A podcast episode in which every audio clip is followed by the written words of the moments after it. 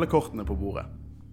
Dere gleder dere til at vi dekker sesong syv. Og når vi snakker om sesong syv, så snakker vi om selvfølgelig om siste ark i sesong syv. Vi snakker om de siste fire episodene.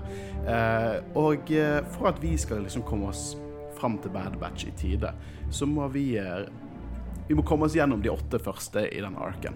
Litt sånn throwaway. Får ikke noe dypere innsikt her. Ikke vår viktigste episode. Og med den anledning har vi invitert uh, Guro Vågan til uh, denne episoden av Jedi-rådet, en Star Wars-podkast.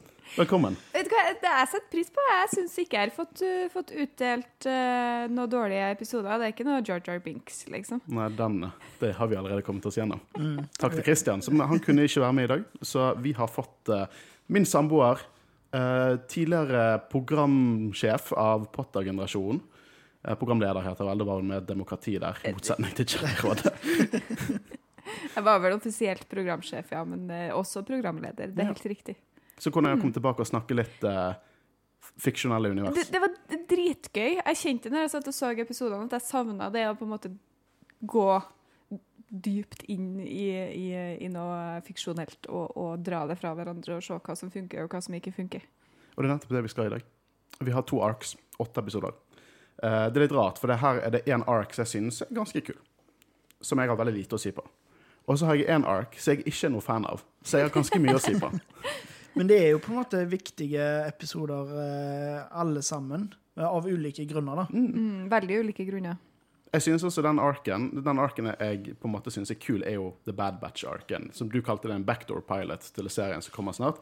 Og den arken jeg likte minst av disse, var Martes-søstrene. Eh, jeg synes at den arken med søstrene har viktigere tematiske ting i seg. Men jeg liker arken mindre. Mens den første har mindre viktige ting, men det er bare en gøy action. Veldig 80-talls Predator-ark. Uh, så det, det, det, det er mye å si her, og vi kommer ikke til å gå utrolig inn i dybden, for vi kan ikke sitte her i fire timer. Uh, og vi bare antar at dette, er ny, dette kommer ut i 2020. Kom an. Dere har sett sesong 7 av Clone Wars. Come on. Det har dere. Nå har til og med jeg sett sesong 7. Hvis Så- Håvard har sett det, så kan dere se det. Ja, Ja. det synes jeg. Eh, og eh, vi kommer jo til å spoile dritten ut av dette her, men før vi spoiler dritten ut av dette her, Håvard, din lidenskap under denne podkasten har jo vært sosiale medier. Ja, det er det eneste jeg brenner for. eneste jeg gjør i denne podkasten, er å snakke om Instagram, Facebook og Twitter. Nuff said. Veldig godt sagt. Eh, De vet jo allerede hva de skal gjøre. Ja. Do your thing. Uansett, denne gangen skal vi dekke de første åtte episodene av sesong syv. Første episode er The Bad Batch, så A Distant Echo, On the Wings of Keradax, uh, Unfinished Business, og så andre ark, uh, episode fem, Gone with a Trace, eller Gone Without a Trace, heter det. De er glad i puns.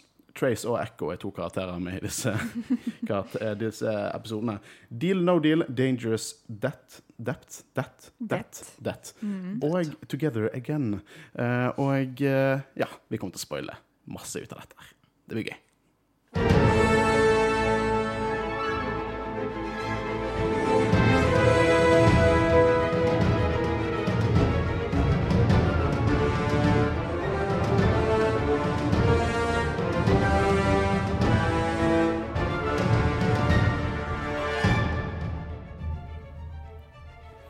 Så episode én i sesong syv, The Bad Batch. Og det første jeg vil snakke om Jeg vet ikke hvor mye du bryr deg om akkurat dette, Guro, men du har sett plenty av Star Wars.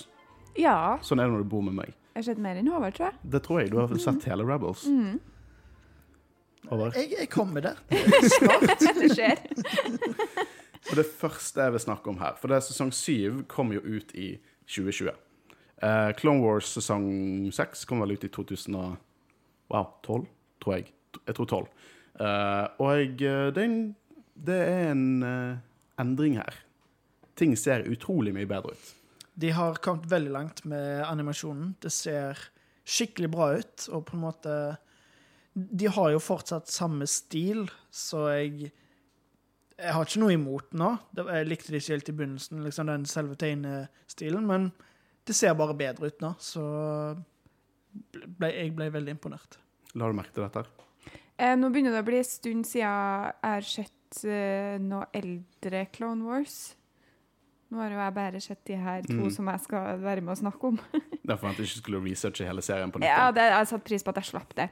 Eh, nei, men altså, det er jo utrolig kult. Jeg liker den, eh, den stilen det er tegna i, og syns at det, det gjør seg for innholdet, på en måte. Så ja. Jeg, nå er ikke jeg noen ekspert heller da, på, på animasjonsserier, så det, Nei, det, jeg har litt lite å si der, egentlig. det er jo ikke jeg heller. Men eh, det jeg synes de har klart å få mye mer til etter hvert, for Clone Wars har jo vært en, eh, på en måte et stort uh, eksperiment egentlig for uh, kan jeg si, elevene til Josh Lucas fra begynnelsen av, og du ser bare hvor mye de har lært, og ikke bare hvor bra det ser ut, men liksom hvordan det er filmet, hvordan er pacingen. Jeg tenker liksom, Denne første arken er jo en action ark, det en ren action ark. Men i motsetning til tidligere sesonger av Clone Wars, så er det mer sånn minnesrik action. Ja, definitivt. Du husker enkelte sekvenser pga. karakterene, pga. Eh, hvordan action er. Og det er noe jeg setter eh, veldig pris på, egentlig. Eh, det begynner jo på Anexis. Eh, det var mye drama rundt Anexis, for Anexis er en tidligere Legends-planet, og hvor den var plassert. Outer Rim, Core Worlds, Nå i Cannon er det i Core Worlds. Det er en viktig hva kan jeg kalle det, shipyard for republikken. Og de har mange battlefronts der. De har problemer med separatistene. Eh, det virker som at hver gang de har en av sine superhemmelige Captain Rex-taktikker, uh, så uh, kommer de med en mottaktikk, sånn at disse taktikkene blir mindre og mindre effektive. Som de har liksom læreboken om klonetaktikker fra Rex sjøl. Så dette er på en måte det første mysteriet her, da. Hvordan vet de så mye? Og Rex er på en måte blant de beste der. Begynner også å lure på hvorfor han ikke har blitt noe mer enn kaptein ennå. Kanskje han liker seg der. Litt sånn som Captain America, for han kunne definitivt Er Captain Steg America en kaptein? Ja, Han var jo en kaptein i Hæren, i hvert fall under andre verdenskrig, så det er derfor han heter Captain. men han heter jo Captain America i begynnelsen fordi han på en måte er en sånn propagandagreie. Jeg, Captain Phasma er jo ikke en kaptein.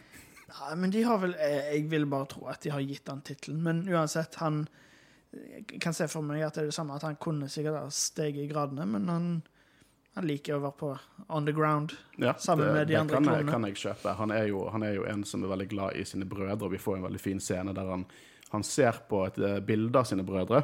Det er vel Heavy, eh, Fives og Echo han ser på der. Og jeg, eh, jeg fant ut at eh, det var noen tekniske feil der, fordi noen har Face 2-rustning eh, når de egentlig skulle vært døde, og litt sånn. Eh, det er to forskjellige faser av klonerustninger. Men dette er, jo, dette er jo bare sånn som du bryr deg om. Jeg, bryr- ja, ja, fair enough. Ja. Jeg syns det var Det er sånn merkelig søt ting. Sånn søt sånn bromance-ting. Det der at liksom Rex kjenner igjen eh, taktikkene til Echo eh, Ja. i eh, Ja, og skjønner at han må ha noe med det her å gjøre. Eller mistenker. Det, det er bare sånn Ja, de, de har, et, har hatt et nært forhold. Ja, absolutt. Og det er jo det som gjør at Rex er litt uh, Han er ikke helt seg sjøl. Det er noe som plager han når folk merker det. Og Echo er jo tilsynelatende død, Håvard. Det traff jo det ganske hardt. Ja, men samtidig òg så er det så lenge siden. Fordi Det såret har tid til å bli et arr. Ja, men det måtte òg Vi har dekka Clone Wars i snart et år nå, fordi vi har jo tatt pauser med Mandalorian og sommerferie og sånn. Så det er en del ting som jeg føler at jeg er nødt til å se hele serien på ny for å virkelig få med meg alt. Fordi når jeg har pauser, så går det lang tid mellom ting. Så jeg husker nesten ikke hva som skjedde med Ekko og alt mulig sånt. Helt ærlig, ja, så altså- det skuffer meg. Ja, men det er litt samme Men det også er det noe med at det er liksom For min del, da. Så det, det er kloner, på en måte. Ikke så mye. Ja, men og, ja, de har forskjellig personlighet til en viss grad og, og sånne ting. Jeg vet at det er en klone i denne arken du har virkelig forelsket deg i. Ja, absolutt. Men, eh, men han er jo også eh, skiller seg jo veldig ut. Eh, ja. Men i hvert fall. Eh, altså, jeg har litt problemer med å skille dem fra hverandre og huske på hvem som var hvem. Jeg klarer å kjenne igjen eh, Rex, og jeg klarer å kjenne igjen eh, og huske Fives. For han tror jeg har den mest interessante Ja, Fives arken. er virkelig en av de som skiller seg mye ut der. Ja, så, så jeg var sånn Hvis du hadde spurt meg hva som skjedde med Echo Jeg hadde ikke kunnet svart på det, dessverre. Selv om jeg har sett det. Nei, vi får egentlig bare slukke dette her, og så gå videre. For det at kanskje han lever. Eh, ingen tror på han. De kaller han gal, men han har en tanke. Eh, for at de skal eh, de, Hele taktikken er at de skal komme seg til et såkalt cyber center eh, og finne ut eh, noe intel om, hvor, eh, om dette er noen algoritmer, eller hva er det som skjer her, hvordan har de den informasjonen om taktikkene. Eh, og eh, ved å komme, komme, liksom gå gjennom dette her eh, tilsynelatende selvmordsoppdraget, så har de en gruppe kloner som heter Clone Force 99. Referanse til 99, han husker du, Håvard? Vaktmester. ah, Ja, ja, klon. ja, så klart. Mm. Ja, han er jo en av klonene som, som jeg faktisk husker.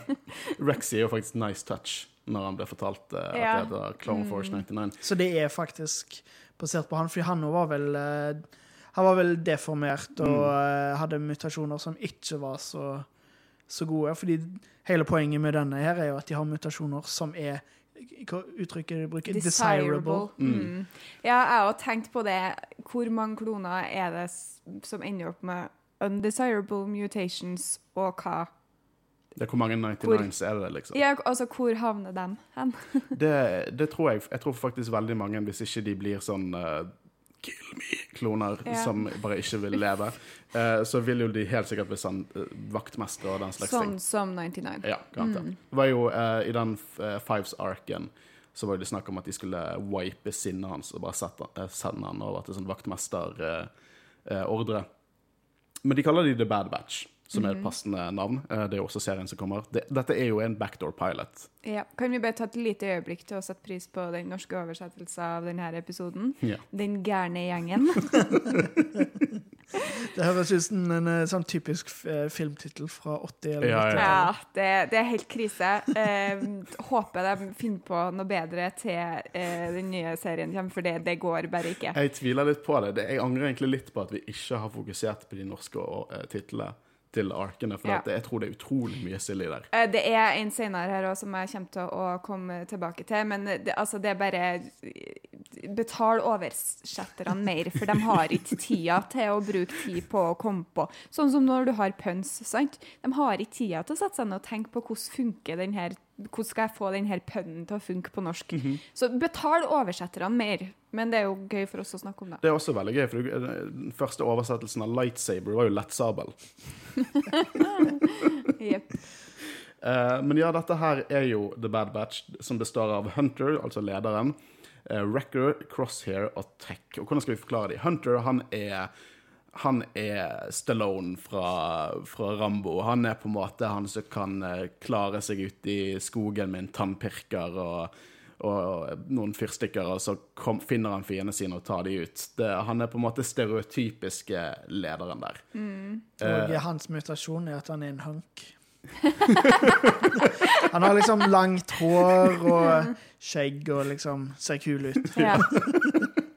Jeg kunne ikke sagt det bedre sjøl. Vi har Crosshair. Drittsekken. Edgy er sniperen, som kan skyte av De sier vel masse ulike dyr her. Hva var det, hva var det dyret du spurte om? Uh, Ja, Yallback. Eh, å, jeg har skrevet det ned. Eh, uh, uh, uh. Ja. Ja, fant ikke igjen. Eller noe sånt. Jo, Yallbacks. Ja. Yallbacks, ja. Eneste det er nevnt i Guro, vi så de sammen, og så spurte Guro hva slags dyr er det og så sa jeg jeg vet ikke, for det er kun nevnt i denne episoden.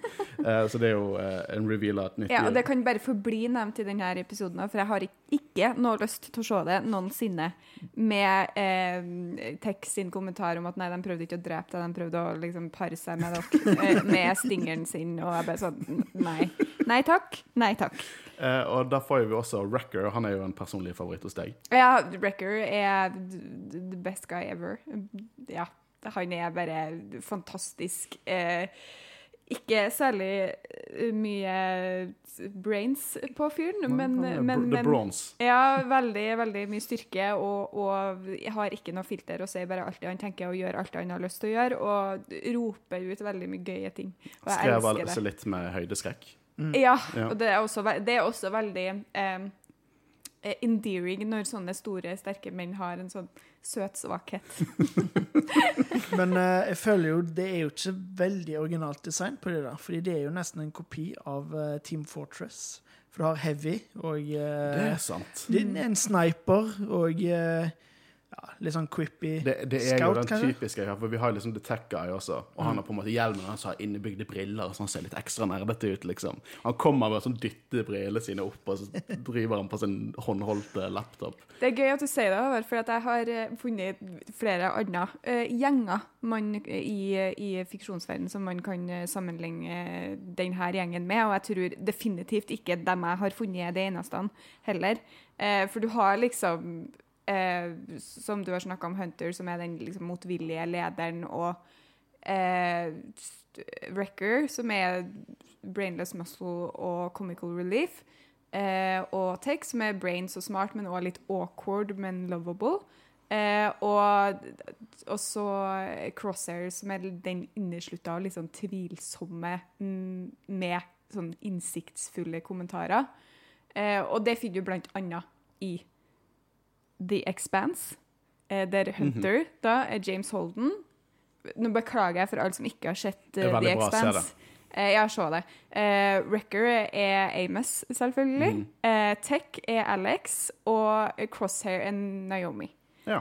Eh, og det, altså, det er ikke, selvfølgelig er det ikke direkte overførbart, men det er ganske mange fellestrekk der. Sånne st stereotyper som går inn i en sånn gjeng. Eh, hvis dere vil, så kan jeg også for morsomt bare ta sammenligninga med Criminal Minds, som jeg og Håkon har sett litt på i det siste. Det er så, det er så, dårlig, lyst- det er har- dårlig og bra. Har du lyst til å gjette hvem jeg har sagt til hvem? Eh, jeg mener så- Dr. Reed Attack. Er det, Ja, det er. Matthew Gray Goobler, ikke det? Ja, det stemmer. Ah, han er så Eh, koselig. Ja. Eh, OK, så er jo det Gideon Hunter. Nei, ikke Gideon. Gibbs. Nei, faen, jeg glemte navnet deres. ja, Gideon er ikke Hunter, nei. Men uh, Hvem er Hunter, da? Um, Horchner. Ja, Hotchner, selvfølgelig. Ja. Men skuespilleren heter Gibson, ja. og så er det en karakter som heter Gideon. Og, ja, OK, ja, Hotchner og um, Og uh, Crosshair Vet du hva? Ja, Crosshair må jo være Vet du hva? Nei. Nei, Crosshair har jeg satt som Gideon, men det er som den mest tvilsomme. For fordi- Gideon bare er en drittsekk. Ja, han er litt drittsekk og er litt sånn eh, Er ikke så er, Er ikke redd for å stå opp mot ledelsen, da. Mm. Sier det han mener, og er litt sånn jeg, det ikke, Jeg går ikke nødvendigvis blindt etter det alle dere andre tror på. Han er snakker jo ned meninger. eh, Rex, blant annet. Ja.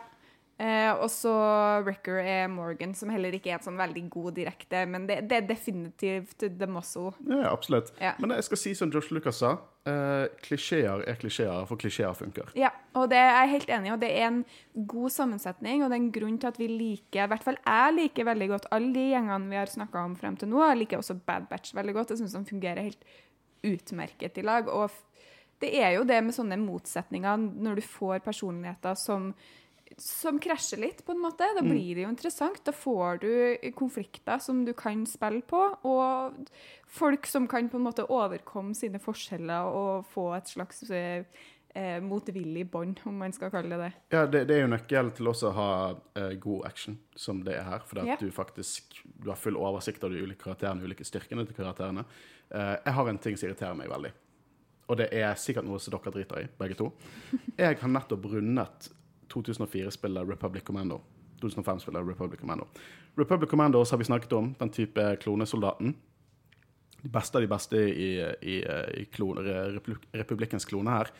Og eh, det var et spill om, disse, om fire Republic Commandos, som på en måte gikk underground. De var ikke vanlige kloner, de, de gjorde veldig eh, høyprofilerte oppdrag. Var de faktisk ikke skikkelig eh, vanlige kloner, eller er det bare det at de var ekstra flinke? jo, de, fra, de ble designet, designet fra liten av til å være noe mer. Så allerede når de var på en måte eh, små eh, kloner, så var det sånn dere skal være Republic Commandos, dere skal ha potensielt annen mutasjon, dere skal gå gjennom unik trening. Og dette var i Legends. Men i Clone Wars så dukket de opp. Eh, Med Survivor Press så var de så vidt med. De hadde vært på et undercover mission og funnet likene til noen Jedi der. Så de, denne gjengen på fire stykker er eh, canon. Og de er veldig elsket karakterer fra Legends, blant annet fra meg. Eh, de har helt samme eh, stereotypi. Du har The Muscle. Det er en miks av The Muscle og Crosshair der, for han er på en måte sniperman, også den som går liksom, Han er litt sånn han er litt, han sier det han mener, han er litt brutal. Du har på en måte the tech guy. eh, så har du på en måte sjefen, og så har du eh, en demolitions-fyr. Så det, det, det, du finner paralleller mellom The Bad Batch og og Delta Squad for Republic Commando. Jeg vil si at Delta Squad er liksom de originale Bad Batch. Uh, og uh, de har blitt canon, og jeg irriterer meg at The Bad Batch ikke er bare er de. For det er så å si samme karakterene. De er utrolig elsket innad uh, fandomen. Til og med designet på rustningene. De er litt mer bulky, litt mer spesialisert rustning. Til og med uh, Wrecker blant annet går med en DC-15M, som er det modulære våpenet som de brukte originalt i, eh, i Republic Commando-spillet. Og det irriterer meg at de bare ikke tok de. Liksom, du kan gå til retconne og si at å, de ble Republic Commandos fordi at de hadde egne mutasjoner, og derfor er de de beste Republic Commandosene. Det irriterer meg at det ikke var planen. For det de er så å si de samme karakterene. Du bare Ja. Og det er en sånn ting som irriterer meg litt. Jeg syns det er tapt potensial. Men Bad Batch er jo det er en kul gjeng. De har kule sånn svarte og hvite rustninger med sånn eh, røde maling rundt omkring. De har hodeskalle som, eh, som emblem. Det, det er en kul gjeng. Liksom, jeg, kan, jeg se for meg at jeg bygger Lego-settet. Liksom. Og så har de jo én ting eh, som, som dem du snakka om nå, ikke har, og det er jo at det var ikke meninga at de skulle bli sånn. Mm. De er jo outcasts, eh, som jeg tror kommer til å bli viktig i, i deres historie. ja. Ja. det er der vi begynner å snakke om har de en chip i seg. Ja, Hva er det som skjer under Order 66? Jeg lover dere at Crosshair kommer til å bli, gå med Keiseren og, og Empire og bli uh, evil, skurken i den serien. Jeg garanterer det. Bare, bare vent og se, Håvard. Ikke se på meg sånn. Så de reiser mot dette cybersenteret. Vi opp en liten, eh, det er en litt Predator-vibe eh, når, eh, de reiser ut mot oppdraget der, at de sånn snakker litt dritt til hverandre. Eh, Og eh, Jesse han blir litt fornærmet fordi at eh, Crosshair kaller han en reg. Eh, Det liker han ikke. Eh, Det er veldig gøy å være sånn eh, eh, Sånn, sånn stereotypisk jock som bare sånn her What did you call me? Og så vet ikke du engang hva det betyr, det det blir kalt. Og så skal du bli sur, du er vanlig. Hva kalte du meg? Syns du jeg er vanlig? Eh, men det blir jo Skipet blir skutt ned, Cody blir skadet. Hva, hva du sier Vi får en veldig kul actionsekvens der vi ser på en måte at The Bad Batch arbeider veldig annerledes enn hvordan vanlige kloner gjør. Du har på en måte, de bruker sine styrker. Ja, og det, er så tru her, det er utrolig god historiefortelling i den arken her. Den er så utrolig kult bygd opp. Her er det noen som har hatt en idé om, om, om type Bad Batch og, og det der, og så klarer de å på en måte lage den derre Altså, jeg vet ikke om ideen Bad Batch oppsto først, men i hvert fall så får du på en måte både Echo og Bad Batch med her, med at Echo gir eh, separatistene taktikken til, til Rex. Og så må de da ha med seg Bad Batch, fordi at de bruker ikke de samme taktikkene. De, de har ikke ikke på. Lært på samme point. måte. Så, Så du får en sånn Det er sånn helt fantastisk greie der du liksom får med både eh, historien til Echo og historien til Bad Batch, og så har begge to en, en funksjon som spiller så utrolig godt i lag. Jeg, bare- jeg syns det var imponerende på den måten at det er bygd opp så utrolig bra. Det er faktisk et veldig godt poeng, som jeg ikke har tenkt over. Det viser jo egentlig litt at hvor mye, hvor mye de gutta har liksom og jentene har klart å på en måte komme seg gjennom da, hva de har lært i forhold til storytelling. Um, Nå ja, vi skal nå snakke litt om neste ark òg. ja. når, når sant skal være sies, at disse to først Alle arksene i sesong syv er jo eh, tidligere skrevne arker som har blitt endret på til å passe bedre med nye canon. Sånn Bad Batch og til en viss grad Martez-søstrene-arken var allerede på en måte spilt inn, men endret på. Eh, de hadde på en måte, de hadde ikke fullført animasjon og sånne ting. Så du hadde jo en, en gruppe episoder som kunne ses beregnet som halvt canon, halvveis canon. Eh, og dette Martez-søstrene og Bad Batch er de to som på en måte ble, produksjonen ble begynt. da. Men Martez-søstrene senere skulle jo egentlig ikke være med. Det skulle være en annen fyr som hjalp eh, hjalp Asoka, som hadde vært utrolig mye bedre fordi søstrene suger. Ah, fy faen. Men uansett eh, eh, Det viser seg at Admiral Trench, Star Wars sin egen Cody som, Nei, ikke Cody, eh, Kenny fra South Park, så dør hele tiden, og hver gang han dukker opp, så har han mye nye sånne shiny metallplater på seg. Eh, han står jo bak dette her. En av de største, briljante strate strategene hos eh, separatistene. Og eh, i cybersenteret så finner de på en måte ut at det er et signal som kommer fra planeten Ska Skako Minor. Og ut etter at Tech driver og manipulerer signalet litt, så viser det seg at det er en stemme som sier CT1409. Det er altså klonenummeret til Echo. Um, mye kul action. Eh, jeg eh, setter pris på action som Det er one, masse one takes. Og det er ikke musikk, som jeg synes er ganske stilig av og til. Eh, så jeg husker liksom hvordan de manøvrerer seg inn i tårnet, og Crosshair sitter på utsiden og sniper og finner en speeder og sånn. Det, det, det, er stilig action, og tidligere i Clone Wars så var det på en måte det var action. Og så var det lite pacing action. Det var liksom som regel to sider som sto bak noen, noen to cover, og så skjøt de, og så gir det ikke mening at de ikke treffer det de skal treffe, men det er bare dratt ut at de bommer fordi at det skal, episoden skal vare så og så lenge.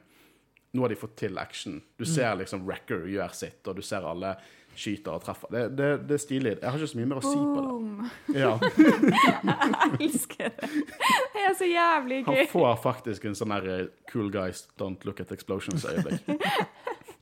Og så er det en veldig kul eh, cliffhanger, syns jeg, på denne episoden. Ja. Med, med Rex bare- som bare er sånn oh, He's alive. Mhm. Eh, og det der er en liten, liten ting som plager meg. Og vi må jo anerkjenne at det opprinnelig er jo et, et barneserie for barn.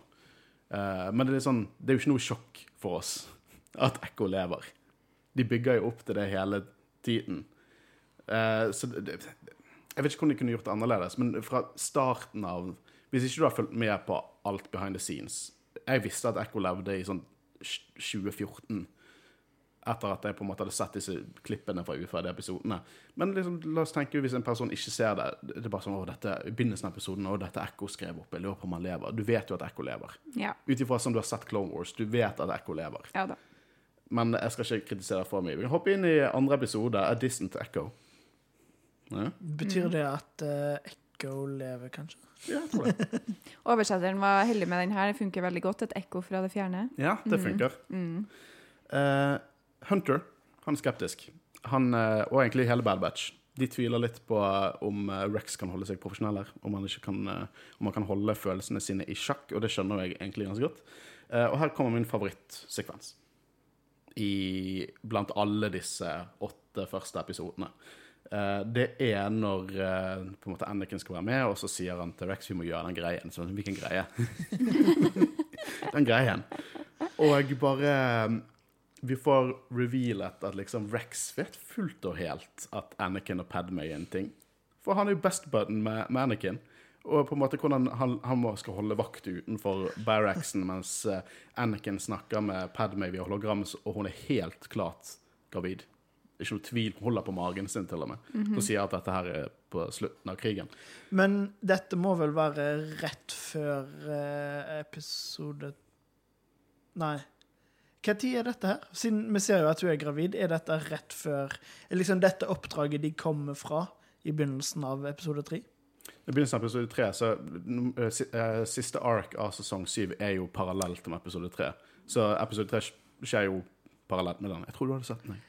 Jo, eh, ja, stemmer. Jeg bare, Nei, men det jeg vil si at disse, disse tolv ep- er det tolv episoder Fire ganger tre. Tolv episoder i sesong syv vil jeg tro er ganske nærme hverandre i tid.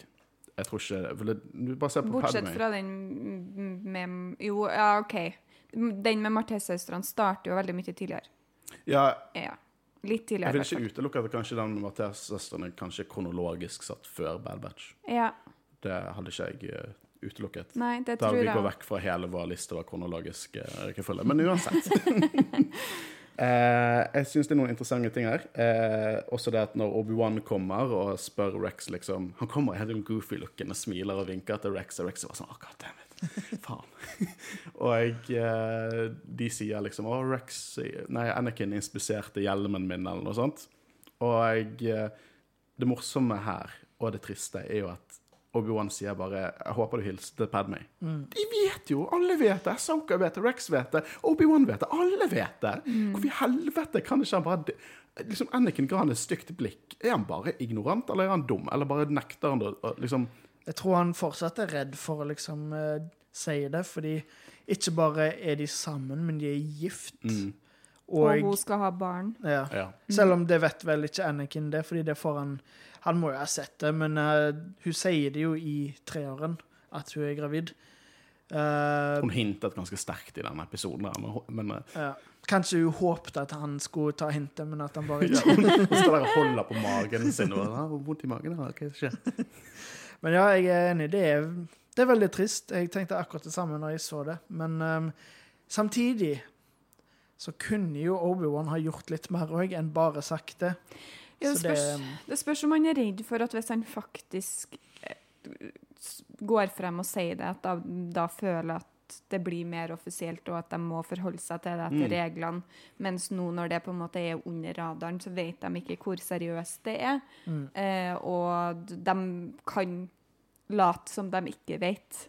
Men hvis Anakin faktisk går til dem, så kan de ikke det lenger. Men når ting blir litt krise, da, så kunne han jo kanskje gjort det Mm.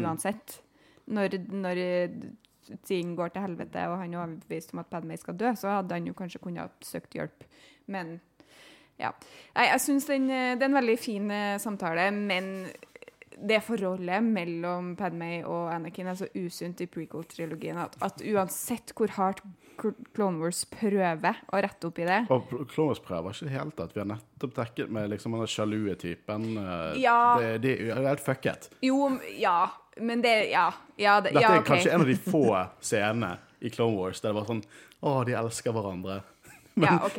Men de er liksom, det er ikke sunt. Nei, det er ikke i det hele tatt. Og det er Ja. De eh, skulle bare aldri møttes, tenker Ja. jeg. Eh, noe annet interessant også. Bad Batch nekter å si hvem de rapporterer til. Er dette noe en liten sånn foreshadowing til eh, hva vi kommer til å si i Bad Batch? Det var det jeg satt og tenkte på. Eh, de er litt sånn eh, de, de, bare, de bare er veldig de, Ja, hvem er dere rapporterer, rapporterer til? Nei, si det.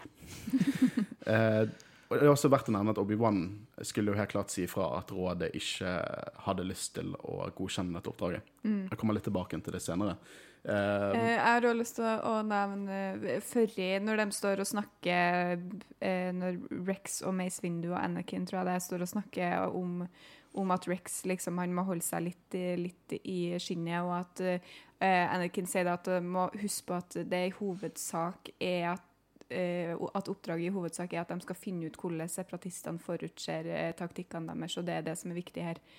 Og det tenker jeg viser ganske mye om hvordan Jedi-ordenen forholder seg til klonene Mm. sine. Eh, I hvert fall fra et sånt overordna ledelsesnivå. Der, her har vi en klone som potensielt har blitt holdt eh, til fange i årevis, og så er det, det fortsatt på en måte krigen og, og det å vinne den som er det viktigste. Det, det, er, det, det er mye moralske spørsmål rundt det å ha klone her. Og, og vi to diskuterte jo litt dette med kloner og Stormtroopers eh, tidligere. Der jeg mener at det, kanskje, at det var et utrolig lurt valg av Palpatine etter han ble keiser, og faktisk avskaffe klonehæren, for da slipper han det spørsmålet fra liksom, normale folk. Hvorfor klone her? Vekk med det, nå kan folk bli frivillige Stormtroopers. Eh, jeg tror litt det har en del av det bildet også, samtidig som at han sikkert ikke helt likte at de var så lojale mot eh, Jediene når de eh, først var seg sjøl i hodet. Men ehm, ehm, det er jo paralleller til hvordan det fungerer i ekte verden også. En, en, jeg tror ikke det f.eks. i andre verdenskrig at de hadde sendt ut en elitetropp, selv om 'Saving Private Ryan' er en veldig god film. Så sliter så, jeg bortsett fra åpningsscenen, så er det jo ikke akkurat en veldig realistisk Nei, sant. det. Jeg, jeg, jeg tror ikke det hadde vært veldig common occurrence at ok, det er én klone som er fengslet her av fienden, skal vi sende ut en av våre generaler, en av våre toppkapteiner og denne eliteskåden, som visstnok er utrolig unik, til å, ta, til å hjelpe denne ARC-trooperen som er fanget. Så akkurat der vil jeg, nesten, vil jeg personlig nesten bare tenke at ok, det er mer realistisk, men jeg er helt enig med det du sier om at hvordan de tenker på kloner, tror jeg er det er sånn, det er veld, De er veldig på at de er glad i dem når det passer de å være glad i dem. Sånn, vi må stole på klonene. De har gjort så mye for oss, og når de har råd til å gjøre det, så kan de gjøre det, men ellers så er jo det bare brikker i et spill. De har bestilt en klone her.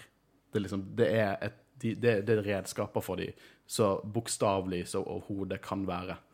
Uh, det er utrolig shady med en klone her. Ja, absolutt. Det er bare First Order som klarer å gjøre det enda mer shady med å kidnappe barn og hjernevaske dem inn i hæren sin. uh, men um, jeg vil også snakke litt om at Godt hoppe tilbake igjen her, da. Men at når Anakin han er i litt konflikt med dette med Rex, og snakker med Padme om det, og Padme sier liksom Hvor hadde Rex vært hvis det var omvendt nå? Han hadde vært rett med meg. Og det viser bare Anakin han er en av de Jediene som virkelig setter pris på klonene sine. Eh, og det er interessant, for det har jeg nevnt tidligere, men i f.eks. boken Tarkin, uh, der er en buddycop-film om Tarkin og Vader, veldig bra, les den, uh, Cannon og sett mellom episode tre og fire, så er det et par Det er så, så nærme Revenge, rett etter Revenge, at det er fortsatt et par eh, kloner som Stormtroopers. Og Vader ukarakteristisk viser utrolig mye tålmodighet til klone. Eh, han er fortsatt en drittsekk, men her er det en klone som er en sersjant. Tror jeg var Sergeant Crest, tror han het faktisk. Eh, I, hel, I den boken så fucker han opp to ganger, og så sier han hver gang han sier «Å, hvis du fucker opp igjen, da tar jeg deg. Og til slutt så gjør han noe bra. Sånn, ikke han med i boken lenger. Det er bare Vader som bare sånn good job, og så forsvinner han fra boken. Ingenting mer å gjøre. Og jeg tror det er bare fordi at Vader, det er litt Anakin i Vader. og Han er glad, fortsatt glad i klonene. Han har respekt til kloner. Og det, det, det vises i denne serien, spesielt denne episoden, syns jeg. Ja, absolutt. Han trenger jo en påminnelse, men, eh, men det ligger jo der i, i bunn. Eh, hvor er jeg nå? Jo, de skal dra til uh, Skako Minor. Uh, og eh, der møter de ganske dramatisk eh, de innfødte. The Poltex, som er sånn svevende eh, beist. eh, og eh, de snakker litt rart. Litt sånn, de, snakker nesten baklengs. Merket dere det? Ja, jeg syns det var utrolig gøy språk, og som eh, den språknerden jeg er, så må jeg bare kommentere at jeg syns at eh, Eller jeg satte veldig stor pris på at de eh, bruker ordet eh, separatist. Eh, altså helt tydelig det engelske ordet separatist når tech snakker med dem på deres språk, eh, som liksom navnet på den gruppa. Eh, som er veldig realistisk, selv om du har Altså, du snakker et språk, men du bruker navnet på gruppa på morsmålet til gruppa, sånn som f.eks. Eh, Al Qaida, eh, som eh, direkte oversatt betyr base, eller basen. Eh, men vi kaller det Al Qaida Ja. når vi snakker om det. Så, så det er bare Jeg satte pris på det. Det syns jeg var veldig realistisk. du, du, du studerer jo Du kan si at du studerer språk til en viss grad. Du tar- Eh, Ja, jeg stu- du studerer språk i aller høyeste grad, vil jeg Ja, Hun studerer språk i aller høyeste grad. Uh, og, eh, og mange av oss Star Wars-fans vi, vi henger oss opp i sånne ting som at kommer Grogu til å snakke sånn som Yoda? Jeg til og med har sagt sjøl hvis ikke han snakker sånn som Yoda, så blir jeg skinna. Fortell meg, Guro, Mm. hvorfor ikke Grogu burde snakke sånn som Yoda? Av den enkle grunn at Grogu, eller ut ifra det vi vet, eh, så har Grogu mest sannsynlig ikke vært sammen med sin rase. Yoda snakker mest sannsynlig rart eh, i våre øyne fordi at eh, han, altså han har en aksent fra sin rase. Han bruker kanskje setningsoppbygginga sånn som den er i det språket som er morsmålet hans. Eh, som er en ganske naturlig ting å gjøre. eh, Det gjør folk som lærer seg norsk òg. Noen ganger bruker de, setter de ordene i feil rekkefølge fordi at de bruker den setningsstrukturen som, som fins i morsmålet deres. Eh, og så vidt vi vet, så har Grogu aldri vært sammen med sin rase, og derfor så ville det vært veldig merkelig hvis han snakka akkurat eh, sånn som Yoda, som om Altså kan man jo spekulere i at i, akkurat den rasen så er på en måte språk noe som er innebygd og genetisk Altså det, hvis han skulle ende opp med det, så kan man argumentere for det. Men eh, jeg syns det hadde vært veldig rart. Boom! uh, det er en kul tanke som jo fikk åpnet øynene mine litt. Og jeg, det er absolutt min, eh, min uh, headcanon, for det gir meg mening. Uh, så Poltex. Uh, mye dramatikk her. Anakin blir kidnappet. Uh, Hunter er veldig sånn Når han vil være badass, så gjør han noe rart med stemmen sin. Taking a raid. Og så kaster han seg etter. De, de blir venner med dem, da, egentlig fordi at de, har, de er et gunpoint, og så forteller at uh, de ikke er for de, det er What Tambor og Techno Union og separatistene som, som er skurkene i uh, byen, kaller de en by, Perkle, uh, som er på en måte et tårn der uh, Techno Union er. Og jeg uh, vil snakke litt om Techno Union. Fordi at uh, Techno Union er en Det er en nøytral makt, litt sånn som Banking Clan. Bortsett fra Banking Clan er, skal være det supernøytrale. De skal egentlig ikke ha folk som er på en måte mer separatister enn det ikke, men allikevel er det korrupsjon innad der. Techno Union er produsenter av droider og starships. De åpent lager droider til separatistene. De åpent lager starships til The Galactic Republic. Så det er en sånn merkelig ting der at alle vet at What Tambor, han har vi sett i filmene, er en separatist. Alle vet det. Men fordi at han er under Techno Union, som skal være på en måte egentlig nøytral, så er det bare masse byråkrati som gjør at de ikke kan røre dem. Og det tror jeg også er grunnen til at Obi-Wan sa at rådet sa nei til dette oppdraget. For grunn av politisk møkk. Så da visste de at det var Techno Union som sto bak, eller Uh, De visste jo at det kom fra det Techno Union Ja. var. Så det Så det er liksom det er deres planet? Eller er det Deres base. Ja. Ja. Det, det, Sånn som jeg forsto det, i hvert fall. Nå skal ikke Ja. jeg si at Men vet du hva, polit eh, politikken rundt separatistene er en utrolig sånn rot, egentlig. Realistisk rot, kan jeg kalle det. Men det er ikke typisk sånn, det er ikke typisk det eventyr Star Wars. Jeg synes det er litt kult at det er byråkrati og shit som gjør at, at liksom du finner på en måte Du kan finne banking clan-folk i senatet, og så er det på en måte banking clan som er åpent separatist. Eh, og, og at det er så åpent. For det, det er ofte, sikkert ofte i politikken i Amerika eksempel, de vet at denne fyren her, han er en drittsekk, han har gjort alt dette her, men vi kan ikke ta ham på det. Liksom politisk immunity og alt det der greiene her. Og det, det er jo eh, en faktor i Star Wars også. Um, de, eh, de skal dra mot eh, dette her eh, tårnet, da. Eh, Og Admiral Trench han har kontaktet Wat Tambor om disse klonene og sier at de driter i republikkens liksom eh, ordre. De gjør dette her off the record, og de er farlige og utforutsigbare. I tårnet så får vi se de mest ubrukelige droidene jeg har sett i mitt liv. Hvem du trodde B1 Battle Droids var ubrukelige? Her har vi D-Wing Air Support Droids. De ser jævlig ut da. Liksom stikk liksom, Pinnedyr. Men det er jo en gave til Wrecker. Det er, det, altså, jeg elsker dem bare pga. det at han bare kan virkelig wrecke alle de droidene. Det er dritgøy. Det er jo litt stilig at de kan fly, da. Jo, ja. Men uh, men ikke bare fordi det er sånn er så regnbuevinger. Ja. Det er ikke liksom en jetpack. Ja, har jeg, jeg syns de var veldig fine eh, når de fløy dere. Uh, Jeg liker også samtalen, fordi de prøver å finne signalet, og så er det samtale what Tambor har med Rex. Og, og han, da er han sånn 'Vi har ikke noe fange. Dette her er ikke lov. Vi er nøytral.' Og så sier Rex 'Dere har brutt eh, lovene om å være nøytral ved å ha en politisk fange her i basen deres.' Og sånn 'Ja, men han tilhører oss.' Å, faen. Så de bruker jo helt klart Echo til å på en måte sende ut disse taktikkene, eller analysere taktikkene, på en eller annen måte. Eh, når de kommer seg inn i rommet der, så er jo han helt groteskt eh, fucket med. Han har på en Har måte helt tydelig ikke hatt det særlig bra. Nei, han, han er jo ikke mentalt til stede der han er eh, koblet opp til maskineriet. Han har masse sånn cyborg-deler. Liker... så er det veldig trist å se hvor tynn han er blitt. Ja. Han er liksom ikke bare tynn, men han er utsulta på en måte. Mm. Og, tilsynelatende han seg ned. Som han er en datamaskin. Eh, og så han er basically Winter Soldier. Ja. Så sier jeg egentlig, ja.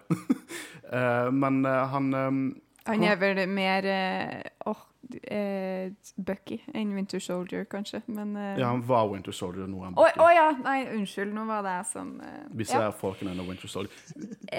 Vi kan ikke like mye Nei, MCU. det, når du sa Winter Soldier, så hørte jeg Captain America. I Mm. hodet mitt så hørte jeg Captain America. og så bare Ja, feilkobling. Beklager. Men buksene til Echo, det er det jeg skulle snakke om. Å ja! ja, jeg skulle faktisk snakke om buksene til Echo. For han har på seg eh, Det ser ut som det er type lær som er strikket på en spesiell måte. Og de, ganske, de beige eller hvite, men de er ganske identiske til det Vader bruker. Så jeg vil tro at det er et eller annet de bruker på cyborgs, rett og slett. Ah. liten detalj jeg så eh, nå når jeg, når jeg eh, så det. Det avsluttes jo med at Ekko er tilbake. De får han på en måte ut av eh, transen sin, og jeg, eh, han tror han fortsatt er på The Citadel, eh, der han tilsynelatende døde, og jeg er glad for å se Rex. Ja, samtalen mellom han og Rex, at når de eh, på en måte får kontakt og ekko er til stede, det, det er bare så jævlig koselig. Det er så jævlig koselig. Det er- det er et eller annet med det klonekameraderiet som bare er så utrolig rørende. Og det er liksom Rex snakker om eh, om førre òg, at han bare Han kan ikke Han kan ikke ikke tro på det at Ekko er i live, for han har mista så mange brødre, og han klarer ikke på en måte å Han må bare holde på det håpet for sin egen del. Og jeg vet, det, er en sånn helt syk ekstra dimensjon, det der at de er kloner. Dere har sikkert snakka det her i hjel, men jeg må bare si det likevel. Eh, at eh, altså Du kjemper med en hel haug med folk som du ikke bare blir kjent med som dine kompiser, på en måte. Men i tillegg så er de deg. Mm. Og så skal du se på at de dør. Igjen og igjen og igjen og Det, igjen. det er et utrolig interessant aspekt, det du sier der. Mm. Eh, og jeg, eh, jeg synes at sesong syv spesielt kommer noen i siste ark der f.eks. Rex snakker litt om at han er litt i han, Denne krigen eh, fucker litt med han. For det at han ville jo ikke at det skulle være krig, men hvis det ikke hadde vært krig, hadde ikke han eksistert. Mm. Og ingen av hans brødre hadde eksistert. Også når du trekker inn Bobafett. Ja. Det er ikke rart at han er, han er en fucked up liten kid når han ser Han ser faren sin overalt.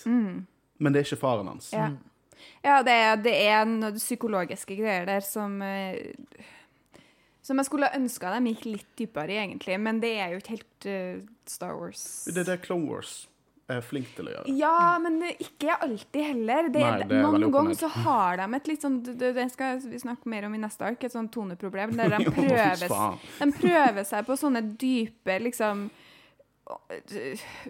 Gravende so, øh, s- altså sosiale problemer eller psykologiske problemer, og så blir det ikke seriøst nok til at de klarer å undersøke det godt nok. Så det Mm. blir bare sånn veldig på overflaten.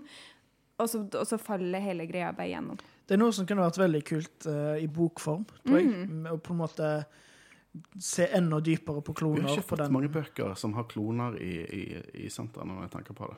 Nei, Det hadde vært utrolig kult, Mm. særlig, særlig i bokform, som du sier, der man faktisk kan få indre monolog også. Mm. Og tankene til, til hovedpersonen. Ja, det, det hadde jeg garantert lest. Mm. Eh, jeg vil også bare kommentere det, det hoppet jeg helt over. Um, igjen så er det mye, det er mye konflikt mellom Bad Batch og Rex rundt alt dette før de finner Echo. da. Eh, spesielt mellom Crosshair og, og, og Rex. Eh, Crosshair han er, han er bare en ren drittsekk. Vet jo, han er jo Empire. Han, er Empire, liksom, han er laget for Empire. Det er der alle de kule drittsekkene dukker opp. Jeg må bare si det. det understreker. Han kommer til å ende opp med eh, jeg, jeg, jeg, Det var en klone i Bad Batch-traileren som jeg trodde muligens var Cody, men nå tror jeg det er Crosshair. Jeg tror han har fått seg en badass ny svart eh, klonerustning for The Empire, og han kommer til å bli Imperial. Bare, bare vent og se. Tror du ikke han er litt mer som eh, Åh, herregud. Uh, Jernteppe. Hva heter han, eh, han karakteren i Mandalorian som han eh, komikeren spiller? Uh, Migs Mayfield. Ja, at han er litt mer uh, som han, litt mer nøytral. At det er idioter på alle sidene. Uh, og Jeg kan se at han er utrolig um, jeg, jeg tror han er utrolig arrogant. Jeg tror han er Mm. smartere enn alle. Ja, og jeg tror at han mest sannsynlig har Jeg tror han har litt sosiopatiske tendenser. Eh, jeg tror også det at han gjør det som er best for han, Mhm. og jeg egentlig driter litt i alle de andre. Ja, så det er ikke noe nøye for han hvilken side han er Nei, på. han, han, tar, han tar siden som han tror vinner. Mm. Som Fesma egentlig gjør, selv om Fesma er liksom den tullingen i filmene. Så er hun egentlig en ganske dyp karakter i bøkene, uh, spesielt boken Fesma, som uh, påpeker hvordan hun egentlig ikke nødvendigvis er enig med The First Order, eller, enig med, eller uenig med opprørerne. Er bare hvilken side vinner, den siden er jeg på. Og det kan jeg kjøpe at Crosshair er. Han er en veldig, han er en veldig praktisk mann. Eh, men eh, vi kan jo hoppe inn på eh, episode tre, min eh, dårligste tittel, 'On the Wings of Caradax'. Og Caradax er de flygende Ja.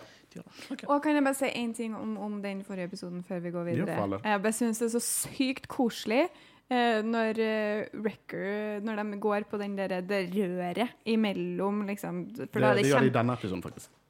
Er det denne episoden, Ja. Unnskyld, da har jeg delt er ikke unnskyld, du har jo helt rett. Du snakker når du skal snakke, du. Ja, men eh, ja, du vil kanskje si noe annet først, da? Eh, ikke så mye annet enn at de må komme seg ut av rommet. Eh, eh, jeg liker at de har en sånn prototype Decimator Droid som er designet for å kvitte seg med organisk matter, så det er jo det ultimate antiklone-droiden. Med det ultimate navnet. Ja, Ja. Decimator.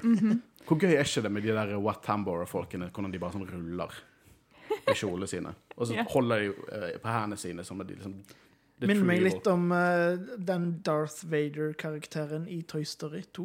Ja, ja. liksom uh, Sorg, var det? han? Ja, noe Ja. sånt.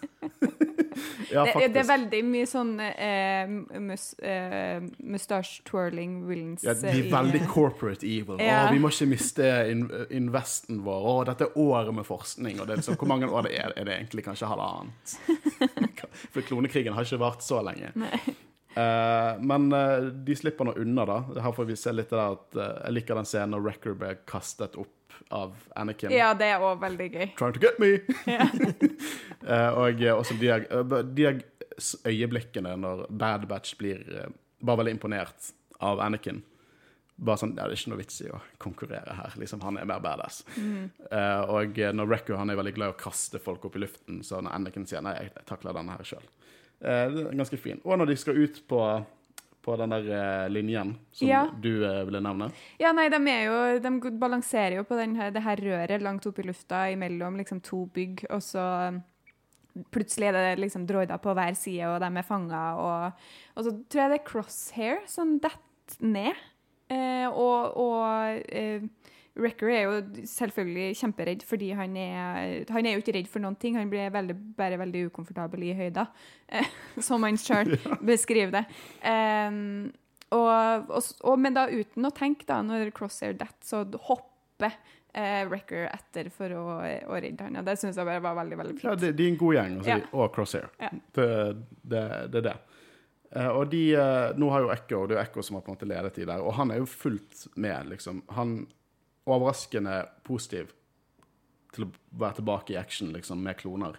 Eh, og han leder de ut der, og så eh, tar Tech har jo vel, vel tatt opp det der eh, kallet til de her fuglene, de dinosaurene, som kommer og plukker de opp, da. Så de, de kommer seg unna der. Men disse droidene kan fly! Så de følger etter de til Poltex sin landsby, og der er jo Poltex dritforbanna over at liksom Dere har jo faktisk brent krigen her, helt til de ser Echo bli helt forferdet. Ja, men stakkars Echo. Ikke bare har han liksom gått gjennom det der som er helt jævlig, men han må liksom vises frem på den måten. som- Det er det er helt akkurat som Jamie i Outlander. Akkurat som Jamie i Outlander. Har du sett Outlander? Det har jeg Det er husmorsporno de luxe, men de tre første sesongene er ganske gøye. Eh, men ja, det skjer noe lignende. De skal sjokkere folk over at se så, han er helt fucket opp ut. Se hva, se hva de har gjort med vår venn, og så er alle bare Det, det gøye er jo når, når Ekko Jeg skulle tro at Ekko ble litt sånn Nei, ikke se på meg. Men han kommer fram og bare sånn Ja, se på meg! Eh, og eh, alle mm, de blir jo enige om at ja, nå skal de slåss. Og det er kamp. eh, det er stilig. Vi får se alle styrkene til de forskjellige individene. Jeg liker den ene scenen når Echo får litt sånn alenetid med Anakin og sier å, du, du brifer fortsatt litt med kreftene, generaler. Og sånn, ja, du kjenner meg. Det er gøy action. Jeg har ikke så mye mer å si. Jeg, en liten ting jeg setter pris på i Clone Wars, som eh, live action eh, Da tenker jeg spesielt én episode Mandalorian. Det er episode fire sesong én, når den landsbyen når de er Seven Seven Samurai-greien med de piratene og sånn. Uh, Clone Wars er ikke redd for å vise at good guys dør i kamper. Eh, her dør Poltex i hytt og pine. Uh, droider eh, ble ødelagt enda mer. Men de er ikke redd for å vise det. Og, jeg, og folk tenker ofte da liksom at Mandalorian, Mandalorian er en mørkere Star Wars-fortelling generelt. Kanskje ikke akkurat den episoden, men generelt er Star, Mandalorian en litt mørkere, en litt mer moten Star Wars-fortelling. Mange ser på Clone Wars som for barn, men de tør å gjøre sånne ting, da. Eh, og jeg syns, sånn som i Harry Potter, at eh, Clone Wars har modnet sammen med publikummet sitt. Jeg tenker at ok, Første Clone Wars kom ut i 2008, og dette kom ut i 2020. Tenk, eh, ok, Star Wars er for tolvåringer, så la oss si at en tolvåring så på Clone Wars i 2008. Nå er voksen nå. Så eh, du ser at det gradvis vokser. Skulle ikke trodd det ut ifra Martes-arken, men her gradvis vokser. Eh, så de vinner, uh, og uh, Watt Tambor han vil ikke si noe til Trench ennå. og jeg får en liten scene der Rex går bort til Echo og sier ja, akkurat som i gamle dager. Og så ser Echo litt melankolsk på folkene og sier ja, akkurat som i gamle dager.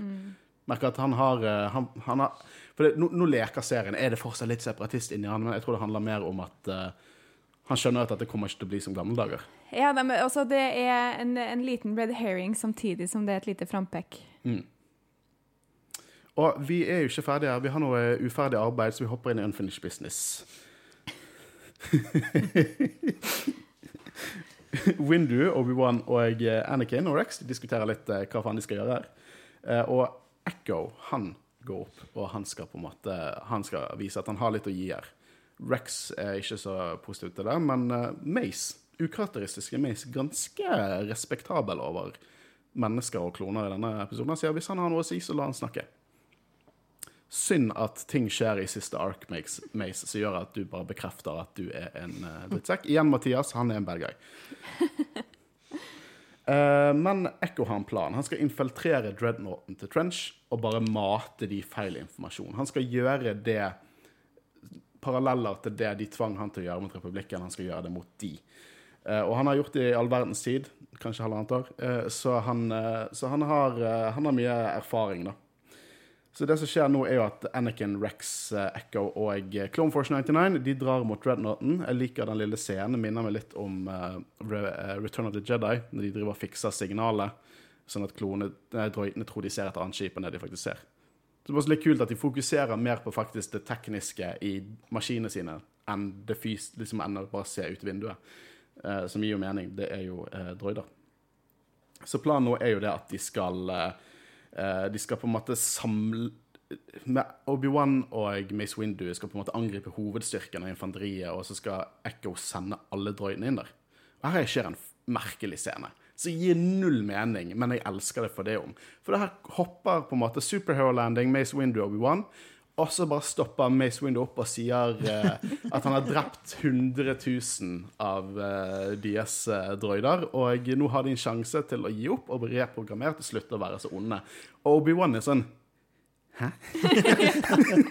Ja, jeg, jeg skjønner hva du mener med at det er teit, men jeg skjønner også veldig godt hva du mener med at du elsker det, for det var veldig gøy. Og jeg, jeg, jeg ser for meg Samuel L. Jackson kunne sagt det. Ja, ja men det var Det er litt mer sånn Samuel L. Jackson enn Mace Windu. det var, det var liksom litt sånn holier Altså sånn typisk holier than thou Jedi-opplegg med bare sånn Gå med oss, så blir dere frelst. Uh, I have the high ground-greie. det, det, det bekrefter jo bare dette programmeringsmøkket som de liker å snakke om i Star Wars, er bare bullshit. Når du bare kan dø, overtale noen til å bli reprogrammert. Det er som å overtale i, nei, min Android-telefon til å bli en, en iPhone. Det, det, det er ikke sånn det fungerer. uh, men uh, de begynner jo å, uh, å slåss og være badass, og Bad Batch-folkene har kommet seg inn der, og de er fortsatt litt sånn Tør vi å la Echo gå amok nå? Hvor mye separatist er det i han nå, egentlig? Ja, det jeg synes det er veldig gøy eh, med Wrecker. Jeg må bare nevne Wrecker igjen, for de skal jo da snike seg inn her. Det er jo altså Bad Batch og Anakin og Echo eh, skal snike seg inn og, og på en måte ikke bli sett for at de skal få Echo til denne maskina og ta se Wrecker, som jo også fikk beskjed om det i forrige episode, at nå skal det være stealth. Og så når Anakin sier at nå, nei, det her, er- her er også et stealth mission, så jeg svarer Wrecker I hate that word. altså, jeg jeg syns han har utrolig morsom dialog i, i de her episodene. Jeg gleder meg til mer. Det, det er god Clone Wars-humor. Ja, uh, absolutt. jeg, jeg gleder meg jo veldig til Bad Batch-serien, uh, basert på denne episoden. Det er en, veldig effektiv backdoor pilot. Um, så nå sender jo Echo alle inn, alle droidene inn, og så sender hun ut et signal, og så stenger han ned hele gjengen. Uh, Trench skjønner ikke helt hva som skjer, men noe som overrasket noe som, Når jeg først så den episoden Tidligere episoder har Trench vært en veldig sånn briljant med strategiene sine. Han er liksom en av de beste eh, Til og med bedre enn Grievous. Han burde egentlig være den Grievous. Eh, liksom, hans droider har en egen sånn emblem, edderkopp-emblem på seg. Litt sånn som Thrawn har i, under Empire. Uh, og at han liksom tenkte kun på denne algoritmen han fikk for Echo. Men så viser det seg at nei, vi kan ikke stole på algoritmer hele tiden. Han har en uh, giant ass bomb uh, på Nexus som han nå eh, setter i gang. Eh, og eh, han har ace in the hole, rett og slett. Eh, Mace Windu eh, får jo den informasjonen, og ukarakteristisk, men kanskje ikke. Kanskje jeg er litt for hard mot Mace. Han tenker liksom alle dere har kloner Obi-Wan, alle kom dere vekk. Jeg skal prøve å fikse dette her. Uh, Echo kommer jo med tallet han skal skru ut, men blir selvfølgelig slått ut med siste tall, så de mangler et tall. Uh, og her er jo det er også en utrolig stilig scene. Eh, sier jeg mens jeg stirrer på Darth Vader-hjelmen min som sitter rett foran meg. Fordi at Anakin han vet hvem som kan gi han det siste tallet, og det er Trench. Og han går opp dit og slåss mot uh, kommandodroidsene, og Trench han skyter ut et nett fordi han er en edderkopp, you get it? Eh, og så sier han okay, hva er det siste tallet, og så sier han kan du ikke vil drepe meg? Du er en Jedi, din nobilitet. Og så bare kutter han av han, eh, tre armene hans og sier jeg har ikke en sånn svakhet. Mens Imperial March bare pumper i bakgrunnen. Det var det, det er Vader. Åh, det er så kult. Ja, det er, det er ganske tøft. Det er det. Det er dritstilig. Uh, han, får et, han får jo dette tallet, for Trench uh, er jo ikke suicidal. Uh, og så prøver han å lure Annie, lille Annie, og så blir Trench død. Jeg er ganske, ganske overrasket hvis han dukker opp som en sånn spøk i Bad Batch igjen nå. Ja, det, altså, men det var også en veldig merkelig sånn avslutning på den eh, sekvensen der, der du får en sånn mer sånn komisk greie med, med at han detter om. Han på en måte sånn danser litt før han bare faller om til slutt. Og jeg, jeg, skjønner- ja, det, det var litt sånn komisk greie som jeg ja. Eh, Kanskje for å prøve å gjøre det litt bedre at han døde, da, for at det fortsatt skal være en barneserie. Jeg vet ikke, jeg. Nei, eh, jeg liker lille detaljen om at armene hans gikk oppover Ja. når han døde. Ja. Han er en edderkopp. Ja. Og så er det en utrolig kul actionsekvens. Eh, det er Anakin får jo en detonator som er skjult i liksom, kon kontrollpanelet til Trench. Og, Record kommer til å elske dette. Eh, og så er det en liten scene der eh, Crosshair og Record driver egentlig og konkurrerer litt over hvem som kan drepe flest droider. Så det begynner med en sånn wrecking ball-scene der Record bare løper ned en hall og tar ut droider. Eh, og det jeg synes var utrolig kult, var jo når Crosshair løper etter og kaster ut sånne speil og bare tar og bruker eh, fysikk til å skyte ut utrolig mange flere droider som Wrecker ikke liker. Eh, for da tapte han. Men på, på vei hjem så får jo han detonatoren av Anakin og feller en tåre, faktisk, og sier det den lykkeligste dagen i hans liv. og han sprenger Dreadnoughten. Og eh, til dere der ute som hater Holdo-sekvensen i, eh, i Last Jedi, uh, og sier den ikke gir mening hvordan skal gi dette gi mening? da? Du sprenger et skip, og vrakrestene tar ut to andre, andre skip. Akkurat som skjedde i Last Jedi. Det samme konsept. De gir mening. Og her viser Clone Wars ikke si at du synes dette var greit. Det har ikke noe å si om det er live action eller ikke. Samme deal skjedde. Samme deal skjedde. Ja, det, Ja. jeg skal ikke grunne med det. er bordet enig? Bordet er enig. Selvfølgelig. Bra han ikke er. Ja, Jeg tror han har vært enig. Han liker jo den sekvensen. Det tror jeg. Det er hans forsvar. Uh, men når de kommer tilbake igjen, så er jo det en, en fin liten sekvens der Rex også sier til Echo at disse, disse gutta her er blant de fineste, beste soldatene jeg har slåss mot, uh, med. Og jeg, uh, hvis du føler du hører hjemme der, så er det din vei framover. Og det avsluttes med at Echo joiner The Bad Batch. Han har fått seg en kul sånn ny rustning også, som er veldig stilig. Uh, men han joiner The Bad Batch, og det er jo en perfekt fit for, for Echo. absolutt. I hvert fall når Crosshair skal garantert gå til The Empire. Sant? Hvis det absolutt skal være fire. Han gjør det. Jeg lover dere. Uh, og jeg tror original uh, Det var noen endringer Det er en del endringer for hvordan originalen var når det var uferdig. Blant annet så var det en, en scene som jeg hadde ønsket å være med, der The Havoc Squad har en pinup-maling av Padmay som Anakin ikke liker. Oh, ja. Som jeg bare synes høres utrolig festlig ut, men det, det tok de ikke med. Det ble kanskje litt for R-rated. Uh, og så i originalen får de vel medaljer, men nå er det litt mer sånn Vi bryr oss ikke helt om sånt. Uh, det er ikke vår, det er ikke vår jam. Så det ble altså lekka nesten hele episoden. Det ble sluppet, liksom sluppet, jeg tror det ble sluppet på YouTube eller av. Det ble sluppet via Celebration, liksom. Vi ble ikke ferdig med Clone Wars, men her har dere det vi hadde. Det er også, det er nesten sånn jeg vurderer om vi skal kanskje gå tilbake og dekke noen av de, for noen av de regnes som canon. Um, spesielt en scene med Anakin og Obi-Wan, der Anakin driver og får, får lov til å reflektere litt med Ahsoka, som jeg føler er en ting den serien mangler, at han ikke får reflektert mer om det at Ahsoka forlot ordren. Uh, men vi skal være glad for at vi fikk dette. Anaxis er reddet. Uh, alt er perfekt. I Rebels er vi Anaxis igjen. Eh, det som skjedde med Anexis, var at en stor cataclysm som vi ikke helt vet ennå, og planeten ble helt fucket og ble til et asteroidebelte. Så eh, for republikken er jo veldig greit de neste årene, men eh, under The Empire så har ikke noe å si at de stoppet den bomben nå, for den planeten kommer til å bli helt fucket. Så det er jo litt bittersøtt. Ja.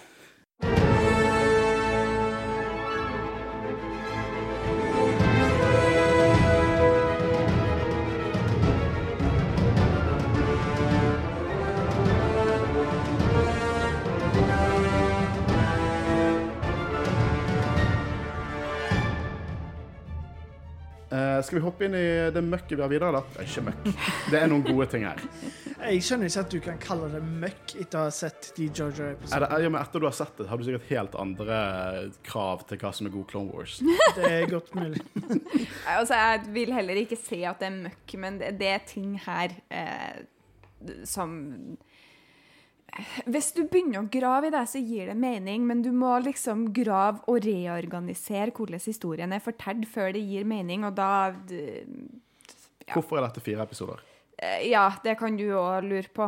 Eh, Og jeg tror den på en måte Jeg er veldig glad for det. For det første, skal vi bare starte med hva som er bra? Utrolig gøy å se Asoka igjen. Utrolig glad for at historien til Asoka tas opp der den slutta. Vi trengte en episode mellom at hun forlot og uh, Siege of Mandalore for å se hun i en mer uh, grounded eh, scenario. Så det er jeg enig i. Ja, absolutt. Uh, og på en måte rett og slett få vite hva som skjedde med henne etter at hun, etter at hun dro. Det setter jeg utrolig pris på. Hun kunne jo ha krasja på en bedre plattform enn, ja. enn hun gjorde. Faller litt til. Ja, bare litt lenger ned. Ja, nei, det Du, men du, Håvard, du satte pris på hva de hadde å si om The Jedi. Ja, altså, jeg, jeg skjønner ikke helt. eh, Det virker som om jeg er den eneste som ikke har noe imot denne arken. Jeg er litt enig med det at det kunne kanskje vært tre, kanskje til og med to episoder. Men jeg liker mye av det de prøver på, fordi vi får på en måte et helt annet innblikk enn vi noen gang har fått før.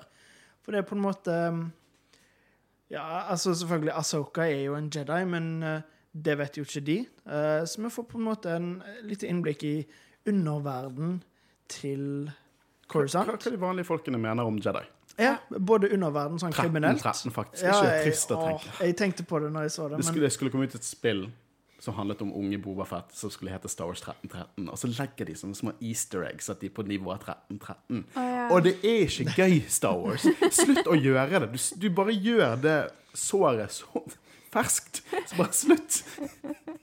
åpne såret igjen. Ja, jeg, jeg, jeg, jeg setter ikke pris på de referansene.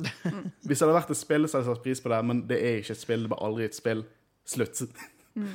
men jeg er enig med Håvard her at det er utrolig gøy å få den Altså Det er jo det de har prøvd og gjort her. Jeg føler at de i utgangspunktet prøver å få til noe bra, men ikke klarer helt å fortelle. De prøver å vise eh, ei side av Coruscant som ikke er vist før, altså planeten der til Jediene, på en måte, som der man tror at liksom alt er så rettferdig og fint, men så får man på en måte se baksida av medaljen og hvordan dem som ikke har det så bra på den planeten, også har det, og hvordan deres syn på Jediene er. Og det, det, det syns jeg er superinteressant, og det er noen interessante eh, poenger her som de kommer med. Problemet mitt er at det hele drukner i at de er idioter. Ja, Rafa og Trace Martez. Ja. Huh. Eh, nei. Nei. Eh, for et eksempel. Uh, den episode tre her, er, eh, i denne arken, er så forbanna unødvendig. I slutten av den så trodde jeg at en av den karakteren, Else-søsteren som mest drittsekk, får litt karakterutvikling, og så neste episode så bare forsvinner det ut vinduet. Jeg skjønner Episode tre, episode fire, denne arken, begynner på bokstavelig talt Ja. samme sted. Hva, hva, hva var deal her? Hva skjedde? Men ja, den er ikke så dårlig. Vet hva, Dette er litt så Attack of the Clones. Det er litt så Attack of the Clones. Karakterene, bortsett fra enkelte uh, Asoka er Ewan McGregor og Obi-Wan her. Uh, Marté-søstrene er bare konsentrert Hayden Christiansen og uh, Natalie Portman på, på Naboo som hater sand. Det er liksom det, Ja. det, og, og, Bortsett fra at i Attack of the Clones så skjønner jeg valgene som blir tatt. Kanskje ikke nødvendigvis enig, men jeg skjønner hvorfor karakterene tar ulike valg. Her er det liksom sånn Det gir ikke noe mening. Hun, hun Trace hun, Kunne ikke de kastet hun ut av det jævla romskipet? Jo, gjerne. Nei, men her, her tror jeg, sånn som jeg snakka om forrige ark òg, der de har klart å på en måte ha to ideer som de ville ha smelt sammen og gjort det på en utrolig kul måte som funker. Her tror jeg de har hatt litt det samme, og så bare mislyktes helt med gjennomføringa. De ville vise hva som skjedde med Asoka etterpå, og de ville få Asoka og Bokotan sammen på slutten. Mm, den viktige episoden. Ja. Eh, og det, og det, så jeg tror de hadde på en måte startpunktet og sluttpunktet, og så trengte de å, å få at de skal møtes på noe vis. Og så har de valgt Og, og jeg syns ikke det er en dårlig idé.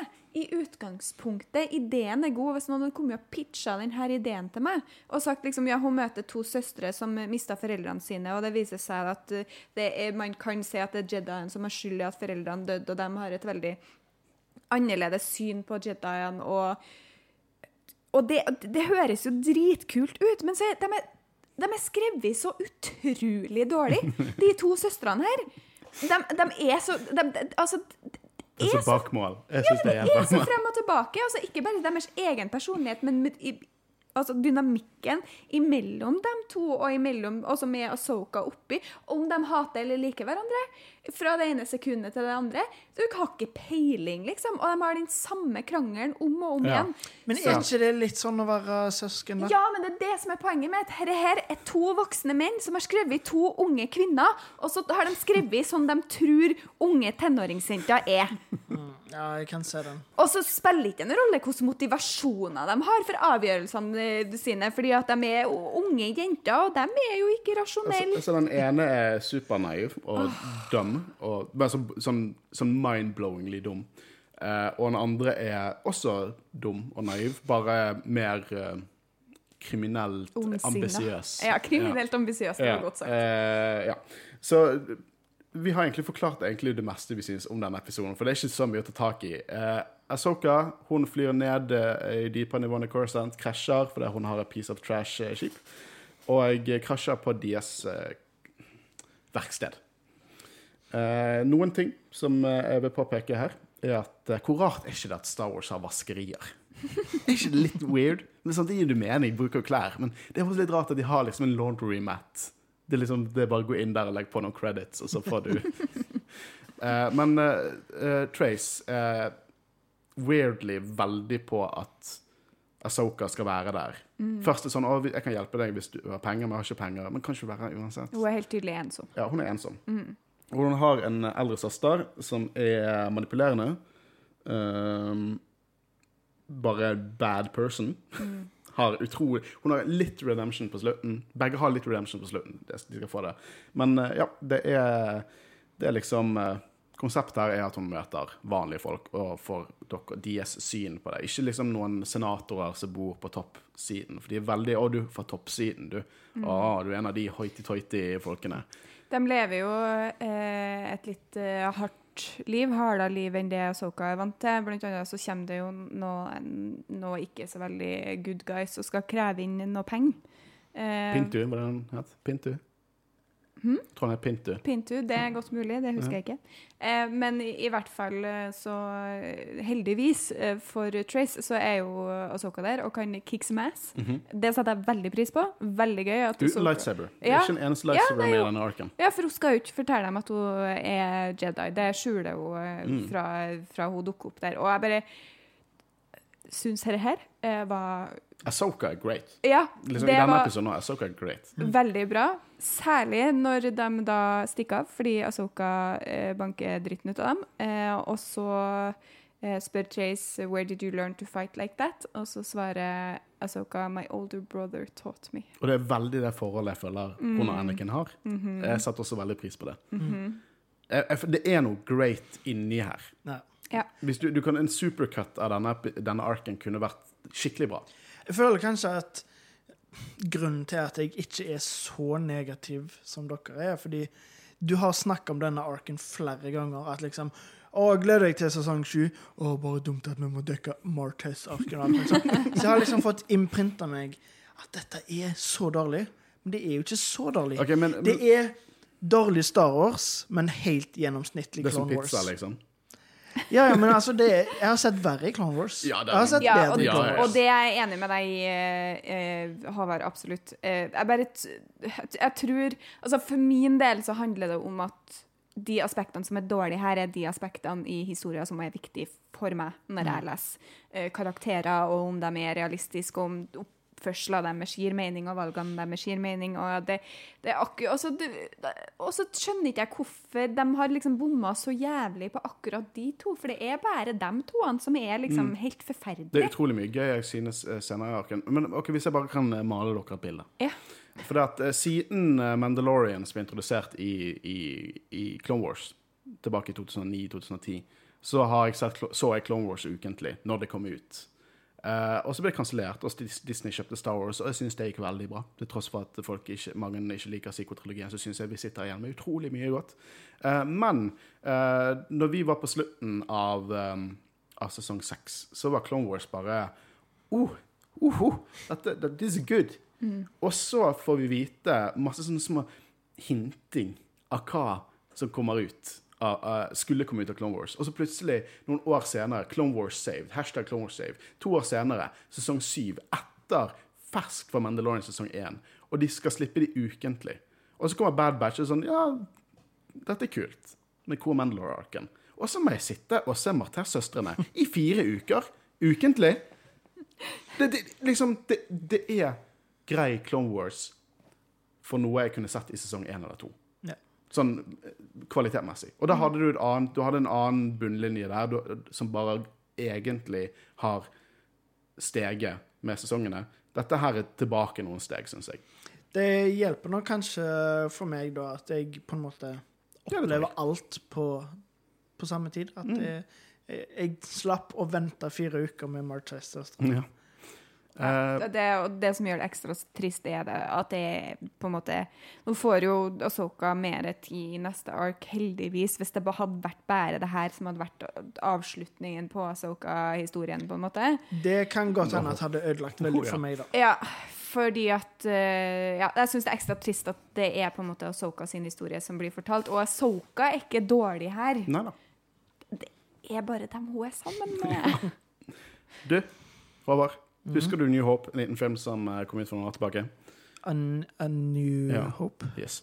Uh, og der var det onkel Owen. Husker du han? Ble ikke lett. Ble ikke nevnt igjen av Luke eh, noen gang siden. Siden Luke driter i sine originale foreldre, tydeligvis. Men uh, da spurte han om CV-en til C3PO, og da sa C3PO jo, jeg pleide å jobbe med binary loadlifters. Programmere de. Eh, og det ser vi nå. Vi ser de faktisk, hvordan de ser ut. Og Rafa har fått en, eh, en jobb der hun skal bygge disse her for eh, noen shady people. Eh, Er det derfor C3PO er så nervøs? det kan godt hende. For det, de, de er jo helt uh, ene har ikke på seg en, en restraining bolt og går amok i byen. Eh, det er egentlig resten av episoden. De må, redde, de må fikse denne droiden. Det er litt gøy når uh, En liten ting som aldri skjer i Star Wars. Star Wars er et mørkt sted. Hvem har lyst til å leve i Star Wars? Det er bare død og fordervelse og fucked up familier. Som i vår egen verden, så kommer det jo helt an på hvor mye penger du har. That's true. Ja. Men uh, når på en måte på slutten der, og, og, og Trace holder på å falle, og så står alle på siden og bare sånn Kom an, du kan klare det! Kom an! Og noe gøy der er at noen av disse aliensene har på seg noen utrolig goofy drakter fordi at de har gjenskapt de originale Star Wars-lekene, som bare hadde på en måte en blå jumpsuit eller noe sånt. Så de er, de er Kenner-lekene representert i Star Wars som en liten easter egg i bakgrunnen, og det er jo veldig gøy. Det er gøy. Um, Ahsoka er litt naiv uh, på enkelte ting. Hun er veldig på hva er rett og galt, og ikke tenker men hva er gråsonen her. Hva er, må enkelte folk gjøre? For når hun kommer tilbake igjen, så sier jo hun at eh, du må ta disse droidene fra hverandre igjen. Du, de kan skade folk hvis de kommer i feil hender, bla, bla, bla. Eh, Rafa driter i det. Eh, og akkurat her så synes jeg at Rafa har eh, the higher ground. For det, Asoka tenker jo ikke hvordan er det å være i deres sko. Og på slutten der så har hun solgt disse droidene da, og får dobbelt pris av hva som skjedde. Og vi hopper videre til neste deal. For nå skal vi dekke deal no deal. Eh, det viser seg foreldrene til disse søstrene ut av bildet, og så blir det snakk om denne, dette skipet, The Silver Angel. Alle gjør narr av det navnet. Men dere in universe Er Millennium Folk et bedre navn? Sånn helt egentlig. Eller, eller liksom Slave One. What the fuck er Slave One? Sånn egentlig. Eller jeg vet at The Razor Crest er liksom selve modellen, noe som jeg tror må ha vært en feil, for det irriterer meg. At det, det, selvfølgelig er The Razor Crest høres jo ut som The Millennium Falcon. Men det er sånn, å, dette er en modell av Razor Crest. Uansett, The Razor Crest høres ikke noe bedre ut enn Silver Angel. Det gjør ikke det. Nei, eh, igjen eh, så tror jeg at det her er det eh, voksne menn tror at tenåringsjenter hadde kalt skipet sitt hvis de hadde fått seg et skip. Silver Angel. Silver Angel. Kul. Ja, det er ikke så gærent. Star Up the Angel. Liksom. Det, men det er veldig liksom feminint og, og, og jeg vet, barnslig, kanskje. Jeg vet ikke. Ikke sånn som Slave One. Nei, nei men det er, ikke, det er veldig feminint, da. Ja. I, I forhold til alle de andre navnene du eh, var inne på, så er det veldig feminint. Mm. Silver Angel. Uh, Rafa har fått en ny jobb. Uh, og uh, alle crewet hennes i den jobben har livet, så hennes sikkerhetsnett er Trace, noe hun blir veldig forbanna over. Og hun stoler helt klart ikke på Asoka. Hun er skeptisk til Asoka. Eh, og de skal på en måte De skal dra til en planet, får ikke informasjon, og videre informasjon skal de få der av de som har betalt dem. Og Trace, som snakker om at hun er den beste piloten ever, flyr rett inn i en military lane, uh, siden hun er en idiot. Og uh, når de, når Asoka og, og, og Rafa prøver å hjelpe henne, så sier hun bare 'stop telling me what to do'. Liksom, shut the fuck up! Sånn, seriøst, shut the fuck up! Lær deg å fly... Og og så når fuckings admiral Yularen Fremtidig leder av, av liksom Imperial CS, eh, CIA, liksom.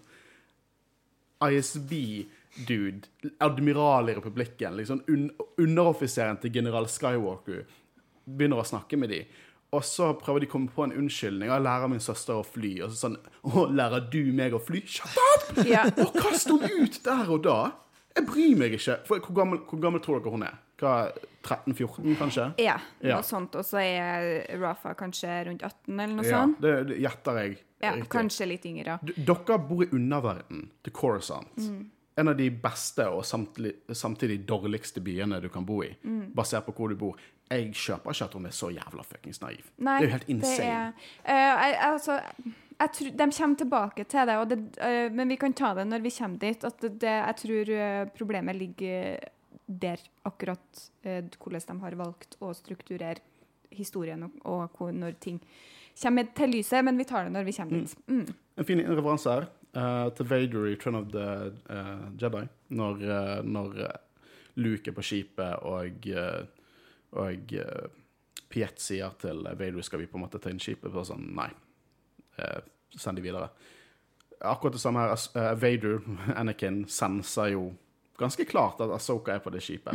Eller i hvert fall, ja, det hinter til det, og lar det skipet uh, gå videre. Definitivt. Uh, må også bare nevne at, eh, at når Trace spør hvorfor Asoka kan så mye om skip, så svarer hun at hun har gått på et bra universitet. Og når Trace spør hvilket, så svarer Skywalker hun Academy. Skywalker Academy. Mm. Det er jo bare Ja, det er Sukkersøtt. Ja, ja, det er det, men jeg elsker det. Og vi må få noe mer der, for den Den greia mellom dem er uforløst. Mm. Det, det må skje noe der.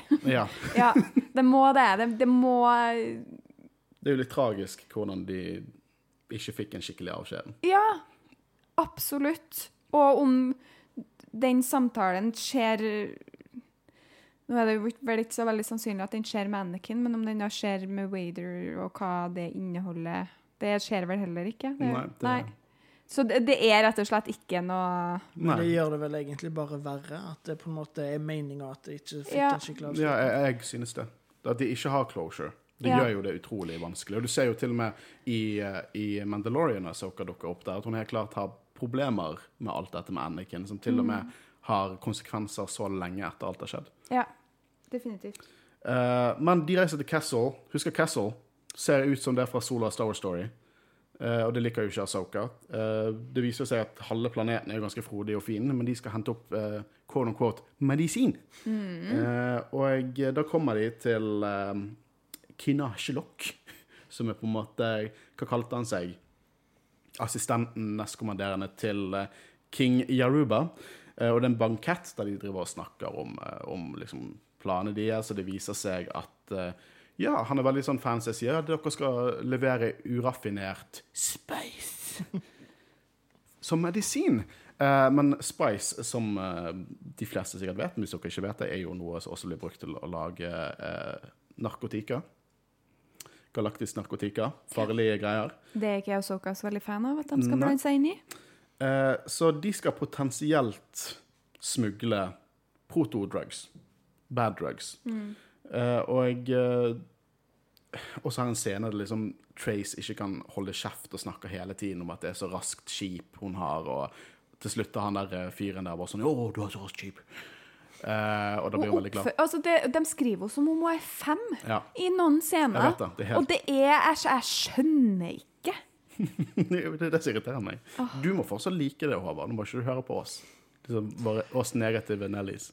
Jo, men Historien er god, men karakterene De, de to karakterene suger. Det kan jeg Ja. være enig i, Ja. men jeg bare bryr meg ikke så mye som dere. Det er også lov. uh, jeg så ikke redd for pirater, men hele dealet at uh, Rafa sier ja, ja, men det er ingen som forventer uh, at et skittig shitty skip som dette skal smugle, eller et lite skip som dette skal smugle, smugle hva 30 000 credits verdt av eh, Spice. Eh, vi får også en liten fin scene eh, der vi får litt innblikk i dette med republikken og slaver. For de, ser, de flyr over det som ligner mer på liksom, Solo Castle. Og så sier eh, vel uh, Trey, så ser alle de folk, nei, droidene der nede, og så sier Soka det der er, det der er slaver. Eh, og eh, de sier kanskje være slaver. Da republikken hadde gjort noe, så sier Soka ja, man skulle trodd det. Som jeg syns også var veldig det, det sier mye. Det sier mye om hvordan Ja. Asoka tenker. Hun er utrolig tvil nå. Hun er ikke helt hun, Jeg tror ikke hun tør å si på dette tidspunktet at, at Jediene er misguided, liksom. Hun lurer litt seg sjøl fortsatt. Jeg tror dette, denne arken egentlig bekrefter hvordan hun føler det. Um, men de skal dra til Obadiah, det Pike-syndikatet, der vi eh, får se Marg Krim som en av lederne der inne. Eh, og jeg så ikke advarer de, liksom, dette Pike-syndikatet er big bad. Dette her er ikke som Pintu som skal ha penger på Corisont. Dette her er dette er galaktiske kriminell organisasjon. Dette er bad. Eh, og jeg, hun sier jo det at de kan godt ta skipet deres og bare ta alt, og, og da blir jo så blir Trace sånn «Å, skal ikke ta skipet mitt. Og så fortsetter Rafa og Asoka å diskutere om bare, de skal ikke ta skipet mitt. Ja, og så ikke slår hun på en sånn fucking switch og bare kaster alt ut av, ut av skipet i hyperspace. Alt de har Liksom deres egne, egne en, Jeg klarer ikke å snakke. Eneste bargaining-shipen de hadde, Mm. kastet hun ut derifra.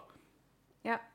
Og på det her tidspunktet så er det ingen som skal få meg til å tro at hun jenta her, som er Hun skjønner jo ikke til, konsekvenser. Nei, som tilsynelatende er oppvokst i et røft nabolag på Coruscant, ikke skjønner at det å ikke betale det du Altså å ikke levere det du skylder noen, fører til konsekvenser. Hun fikk jo et eksempel på det i Ja, første episode. Ja! det, det, det, hun har allerede sett det. Og virker, og virker på en måte som om at det er noe som hun forstår når det skjer. Så hvorfor hun ikke forstår det nå, det skjønner jeg ikke. Igjen, hun virker som en femåring som har et jævla temper tantrum, liksom. For de får ikke ta skipet mitt. Og så er det bare sånn Men åh, ja.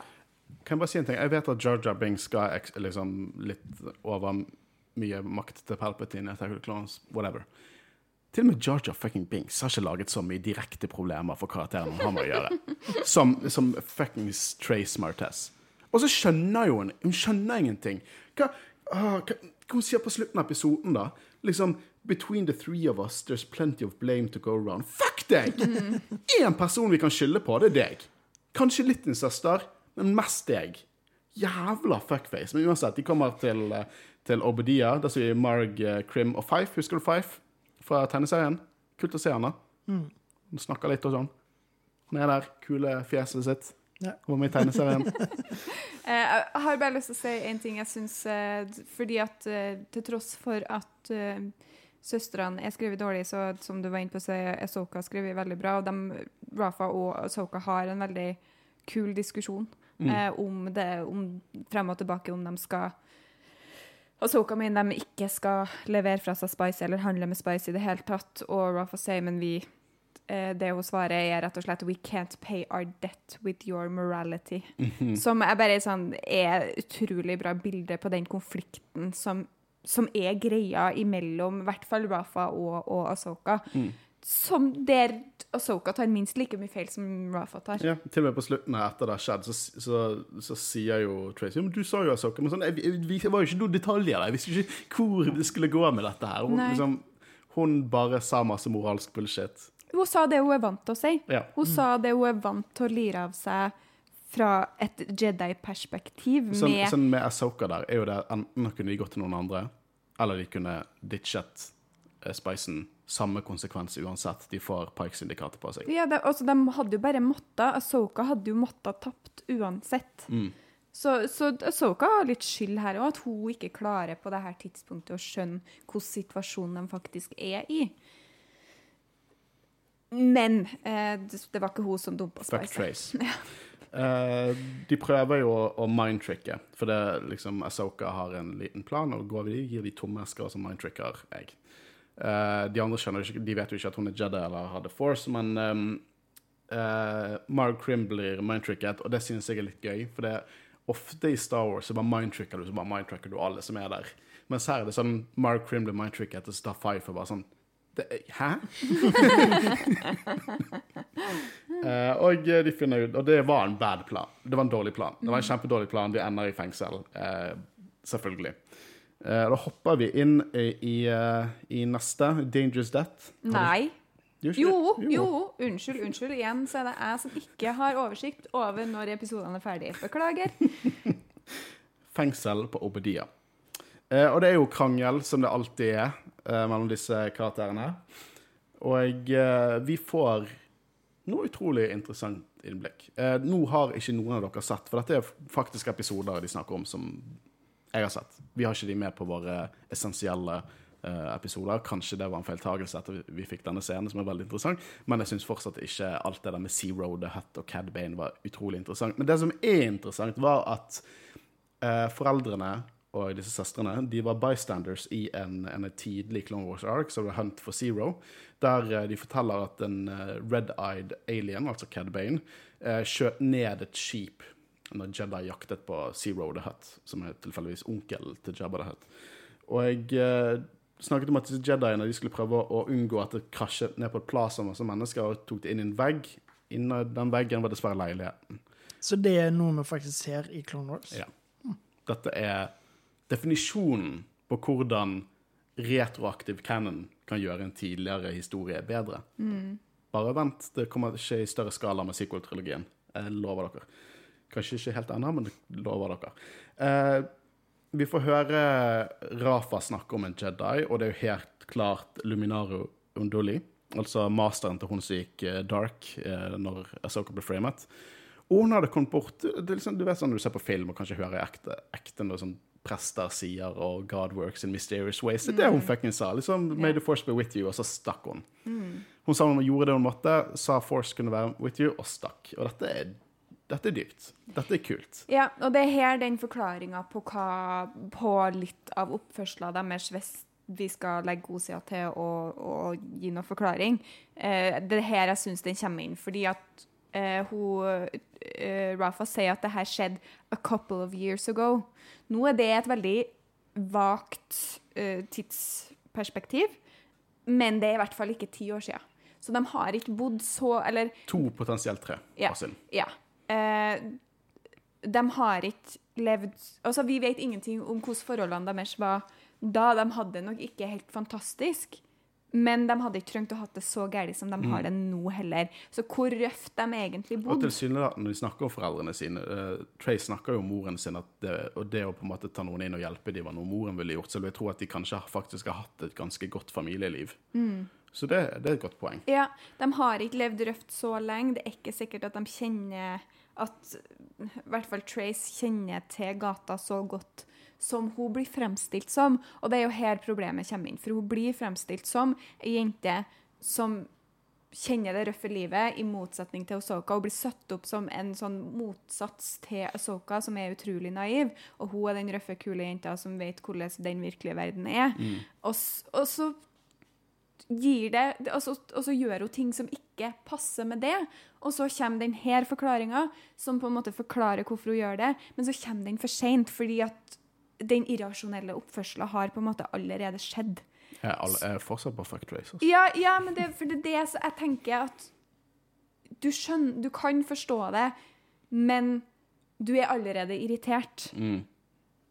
Og så syns jeg fortsatt ikke karakterene er særlig konsekvente i hvordan de oppfører seg, og de går utrolig mye frem og tilbake. Så, men, men akkurat de aller verste feilgrepene som blir gjort her, da, eh, kan forklares, eh, tenker jeg, hvis man legger god side til. Men, men eh, historien er ikke fortært særlig godt. Ak Nei, men jeg, jeg, jeg er. Mm. ikke nødvendigvis uenig der.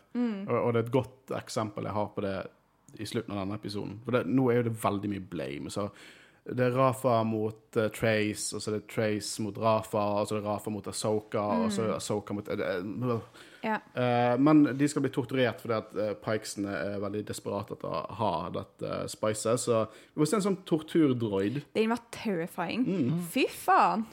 Du husker han fra Return of the Jedi? Torturerte en gonk-droid i Return of the Jedi. Oh, ja. Bare han her er litt mer sånn uh, skink i ryggen. Ja, det, han jeg hadde ikke ville ha møtt han i en sånn mørk eh, bakgate, han tar sånn. fingrene sine sammen. Og, Uh. ja. Ja. Uh, og eh, det jeg har lyst til å si her, er at vi har disse søstrene. Veldig slapstick, ikke gode karakterer. Mm. Men hva, dette her er Ewok versus Stormtroopers igjen. Hvor ubrukelig er ikke Pikes? Harald Barka, liksom planetary kriminell organisasjon, og så er det en liten jente som later som hun på en måte besvimte, besvimt, og så bare dreper hun folk og kommer seg Ja, og, og du ser det på den måten, og jeg ser det litt andre veien. Altså, hun er Altså, hun er, har ikke leg- lenge nok på gata til å skjønne at hun ikke kan dumpe spicen som de skal levere til en eller annen crime lord, men hun klarer å liksom komme seg unna fire av vaktene hans. Jeg kjøper ikke at hun gjør det ene og det andre. Nei, nei, men hvem sin feil det er, hvem som er dårlig skrevet, kan man jo Ja, snakke om, sant. da. Men det det jeg mener med at de er ujevne, for jeg føler at det er sånn, det er sånn hele tida. De, de gjør duste ting, og så gjør de helt fantastiske ting, og så gjør de duste ting igjen, og så er de sinte på hverandre, og så elsker de hverandre, og så Ja. Uff. Har du gøy, Håvard? Mye negativitet her. Er Veldig mye, nei, ja. og jeg, jeg begynner jo jeg, jeg ser jo veldig godt hva dere sier, så det er ikke det at jeg Jeg liker Kanskje liker episoden litt mindre nå, men allikevel jeg, Det får meg til å føle meg litt bad, faktisk. Men, men allikevel så er det litt mer det at jeg, jeg bare bryr meg ikke så mye. Jeg liker det de prøvde på, og Ja. jeg ser hva de prøvde på. Det er derfor jeg syns det er så rart at du hater Phantom Menace. Nei, jeg mener uh, Attack of the Clones. For der ser jeg hva de prøvde på. Samme fyr sa 'jeg driter i law'. Jeg kunne ikke brydd meg mer. Det, jeg skal si noe positivt. Eh, hele den der eh, escape-acten så synes jeg det er veldig gøy hvordan Rafa og Trace bare får mer og mer selvtillit over hva de gjør, fordi at Asoka løper bak dem sånn Åh, force push. Åh, løft dem opp. ja, det syns jeg det er god humor. Men siden du sa noe positivt, så kunne jeg si noe negativt igjen, da. Ja. Fordi altså, noe av det jeg også misliker med den arken, er at den har et seriøst liksom, toneproblem.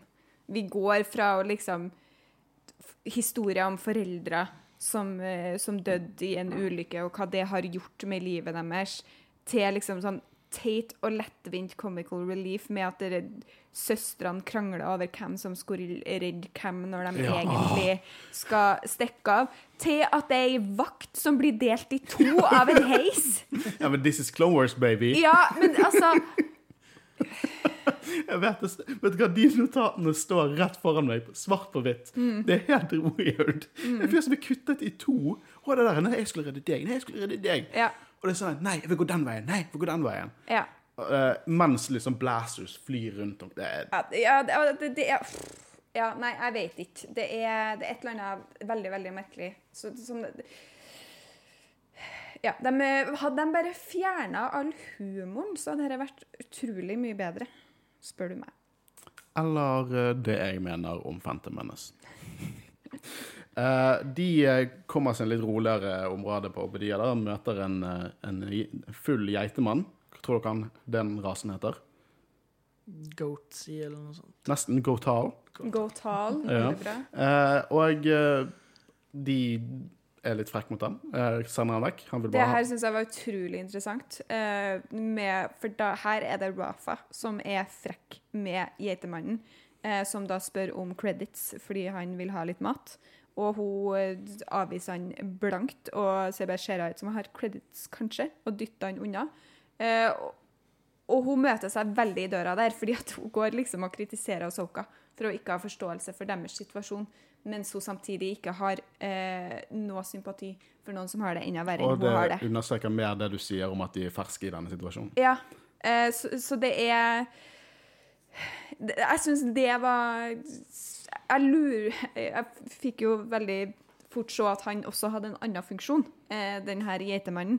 Eh, men jeg var et lite øyeblikk eh, litt usikker på om det var hans eneste funksjon å vise den derre Jeg tror at det helt klart er noe der inne. ja, ja, jeg tror nok absolutt det var med vilje at det skjedde på den måten, men han har jo også en annen funksjon som Det hadde nok kanskje ikke vært viktig nok til å beholde det i episoden hvis det kun skulle vise at Rafa ikke har så veldig mye sjølinnsikt. Um, men ja, jeg syns det var en veld, veldig fin måte å vise det på. Men karma is a bitch, for han løper jo rett bort til Pikes og sier og ser at de ser på de rømlingene, og forteller om det. Eh, vil dere eh, høre noe minst diskré for forkledningen i hele Star Wars-universet? Enda mindre diskré enn når Jedi tar på seg kappe, noe jeg har kritisert før. Det er når Mandalorians bare ikke gidder å ta av seg rustningen sin og bare tar liksom litt tøy over seg. Det ser utrolig kult ut. Og rule of cool er fortsatt regelen som teller, men det, det er nesten mindre diskré enn å bare se en Mandalorian Ja. gå der. A wild Mandalorian appears, har jeg skrevet i mine notater. Uh, for vi får jo se at uh, Bo-Katan og Ursa Wren Nå har ikke du sett uh, Rebels, men Ursa Wren, moren til Sabine Wren, det er hun som er der. De uh, er på et oppdrag der, men de legger merke til, uh, til Asoka, og Bo-Katan lurer på om det er det hun har Jediene smekket reven til for noen sesonger tilbake. Eh, og at kanskje de har en felles fiende, og kanskje de kan bruke dette til noe, noe godt der. Eh, det er mye om og men. eh, Unødvendig om og men. Søsteren og Soka ble tatt. Har, ikke, eh, har, ikke noe, har dere noe å si Nei. på de actionsekvensene? Nope. Nei. Denne episoden har to minutter med relevant info som de lett kunne bare tatt inn i episoden etter. For det at på slutten av episoden, når de blir slengt inn i fengsel igjen, så begynner Rafa bare sånn, Er hun litt ydmyk i denne det episoden skulle være? Nå skjedde mye som gjør hun ydmyk. Hun sier jeg skulle aldri tatt den jobben med Pikesene. Og så starter episoden Together Again, da de er tilbake i fengsel, der all karakterutvikling Rafa har opp til nå, bare ut vinduet. Ja, eh, og vi Ja, men jeg er så irritert. ja, sant. Og uh, Asoka får vi vite av intro, eh, introen at hun er litt i tvil om å fortelle deg at hun er en Jedi nå, selvfølgelig. Så hun har skjult seg opp til nå. Uh, og uh, ja. Det er Bokstavelig talt samme sted som de var sist gang. eh, god, god logikk eh, av, av Asoka der, tenker jeg. Det, de vil jo helt sikkert heller dø i fengsel enn å bli redda av en Jedi. Mm. Ja. Nei, det skjønner ikke jeg helt hva Men det, for å lede historien videre Det kan være over mot. Hun kan jo tro at hun klarer å gjøre noe. Ja, om- jo da, absolutt. Jeg bare syns ikke at det var verdens smarteste avgjørelse. Men, Men eh, hun gjør noe som jeg syns er mer smart. Ikke smart at hun så å si kan ofre seg sjøl. Hun har ingen grunn til å stole på disse tullingene. Så hun lurer Pikesene og sier sånn her Ja, jeg er ikke venner med disse folkene. Gi dem en rotasjon til å hente spicen. De har dumpet det på en planet, eller så kan de gi deg informasjon om familiene, liksom, og så kan de kan dere skade de, og Hun setter seg i fare for å gi de en fighting chance. Eh, Noob Star Wars-spørsmål. Mhm. Er en rotasjon en dag? ja. Ja, basically. En stand, jeg vil anta det er en standardrotasjon, som er tilfeldigvis nok Eller er det det? De har, jeg, jeg tror vi har snakket om det før, men det er vel kanskje ikke noe en som rotasjon planet er det, når, Jo, når, sol, når planeten går rundt solen, og det er jo en dag. Men det kan jo hende Eh, når planeten snurrer rundt seg sjøl, er én dag. Ja. Når, planeten snurrer rundt sola, er et år. Tror dere de har en Det, eh, er, det, det, er, det er nok en dag. Det vil Ja. 24 timer for tilfeldigvis er en dag i Star Wars-universet. Det samme som en Coruscant-dag, og en Corsant-dag er det samme som en dag i vårt univers. Ja, så Coruscant er på en måte felles Ja. rotasjons... Det, det er der det går år, og alt i Star Wars. Det kan, det kan ta flere timer for en planet å gå rundt og på en måte utføre en rotasjon eh, enn 24 timer. Men eh, en rotasjon Jeg tolker det som 24 timer. Du får 24 timer for å finne dette ut. Eh, så um, Asoka slipper jo selvfølgelig unna rett etterpå. Men vi får høre det at Mark Krim han er ikke like dum som han virker. Han sier at dette her er mest sannsynligvis bare tull. Men han må få tak i den spicen, for de har et individ som de er litt redd for. Hvem tror dere det er? Eh, og her er kanskje det som irriterer meg mest i hele, av, av, det med søstrene.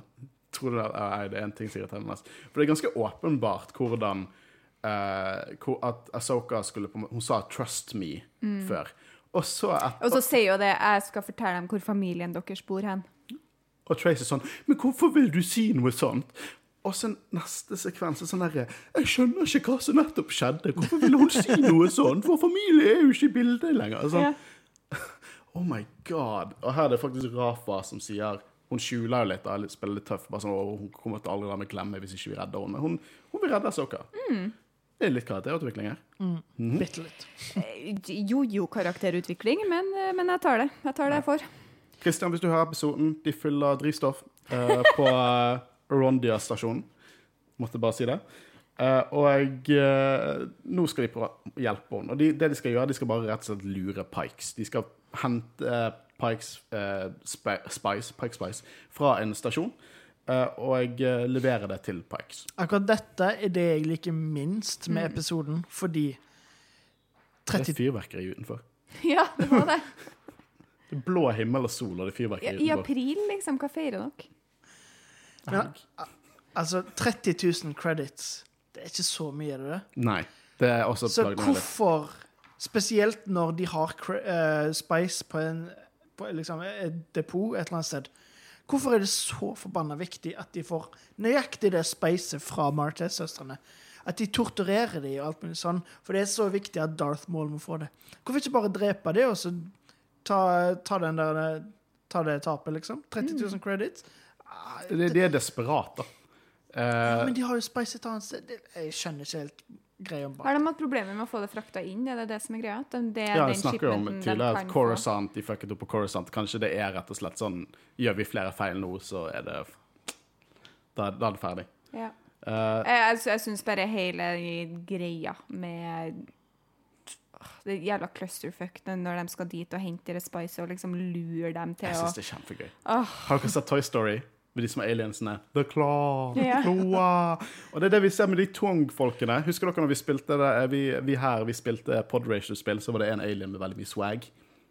Ja, det er samme Ja. Og de lager sånn squeak, sånne leke-squeak-lyd yeah. når du slår dem. Kjempegøy. Og Ja, det var gøy, men det er bare for de skal lure formene her. atter en dårlig plan som de Jeg vet ikke, hva, jeg synes at, eh, jeg synes at det er en så åpenbar og dum plan at it might just work.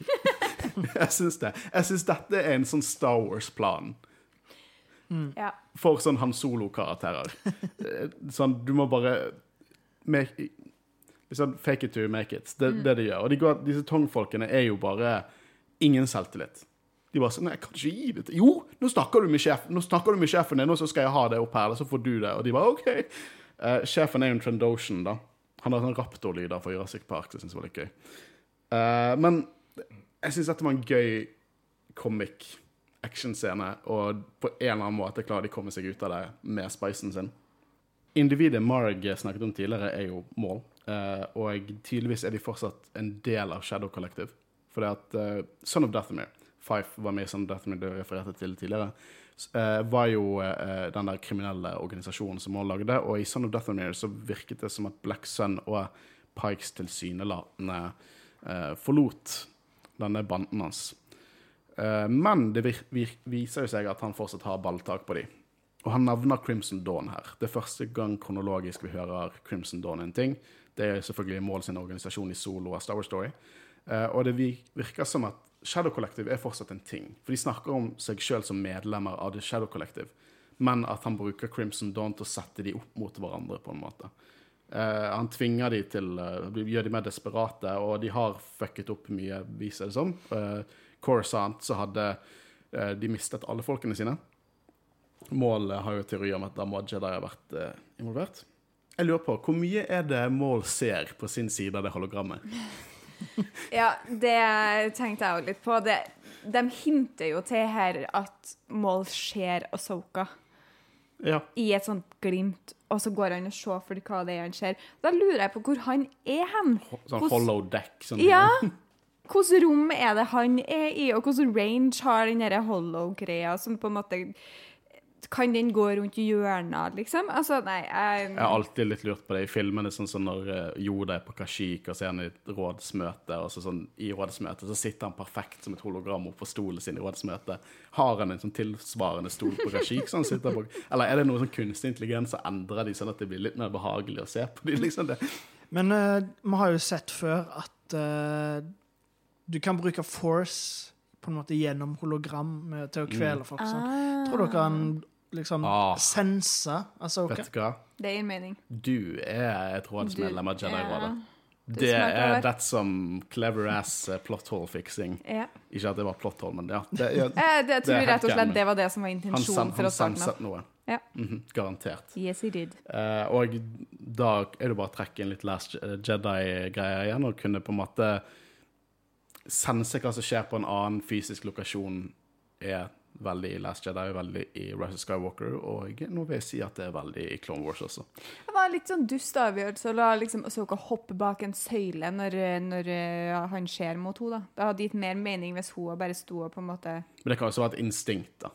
Jo det, da, absolutt, men det hinter jo til at han faktisk fysisk ser henne. Mm. For det vil jo ikke hjelpe henne å hoppe bak den søylen hvis han bruker the force til å kjenne at hun er der.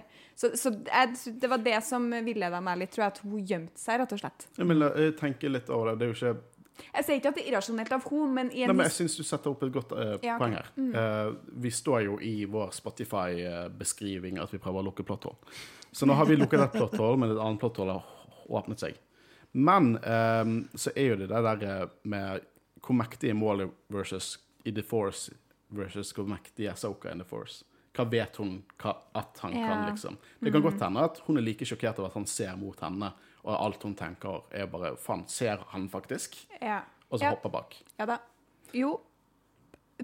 Fortsatt er poenget, syns jeg poenget mitt står. Ja fordi et, i historiefortellinga så gir det et inntrykk av at du, altså, du kan ha rett i at hun faktisk tror det, men jeg syns det er en veldig lang vei å komme dit. da. Men det er jo også en ting vi la merke til. Ja. Sånn, vi, alle, vi la merke til hvor mye er det han kan se fra hologrammet sitt. Så det er jo helt klart en ting som stikker litt ut. Ja, ja det, så for å kanskje tydeliggjort at det var The Force som ble brukt, som jeg syns gir utrolig mening, så hadde hun kanskje kunne ha skjønt det. Eh, bare akkurat da, for jeg syns ikke at det er De kunne endret scenen sånn at det virket som at de bare kjent hverandre. Ja. Sånn som scenen som tidligere var mellom eh, Anakin og Asoka, der du helt tydelig ser at de kjenner hverandre på et eller annet vis. Mm. Så ja, eh, det tror jeg kanskje jeg syns har vært litt bedre. Men det er en detalj. Det, det er ikke noe jeg syns gjør episoden verken verre eller bedre. Det jeg syns gjør episoden litt bedre, er at vi får dette Crimson Dawn-greiene inn. Hvordan For det, Clone Wars kom jo før Disney tok over, egentlig. Det er canon. Og nå har Solo av Star Wars Story kommet ut. Og nå får vi innblikk i Crimson Dawn, som vi blir introdusert til i den filmen.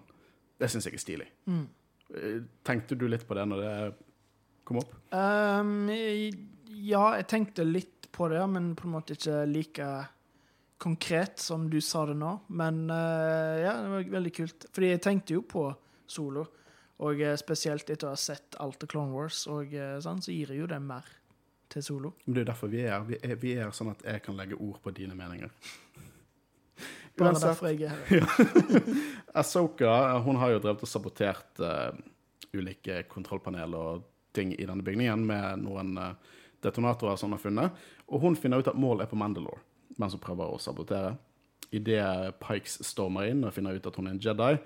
Uh, og hun blir tatt. Søsteren dukker opp, og jeg, da finner de også ut at hun er en Jedi. For nå er jo Pikesen veldig sånn Å, dere er tre agenter for republikken. Men så sier han et utrolig gøy quote. Ah, synd for dere at deres, deres liksom, idioti er så sinnssykt autentisk. Det var veldig gøy. Den likte jeg veldig godt.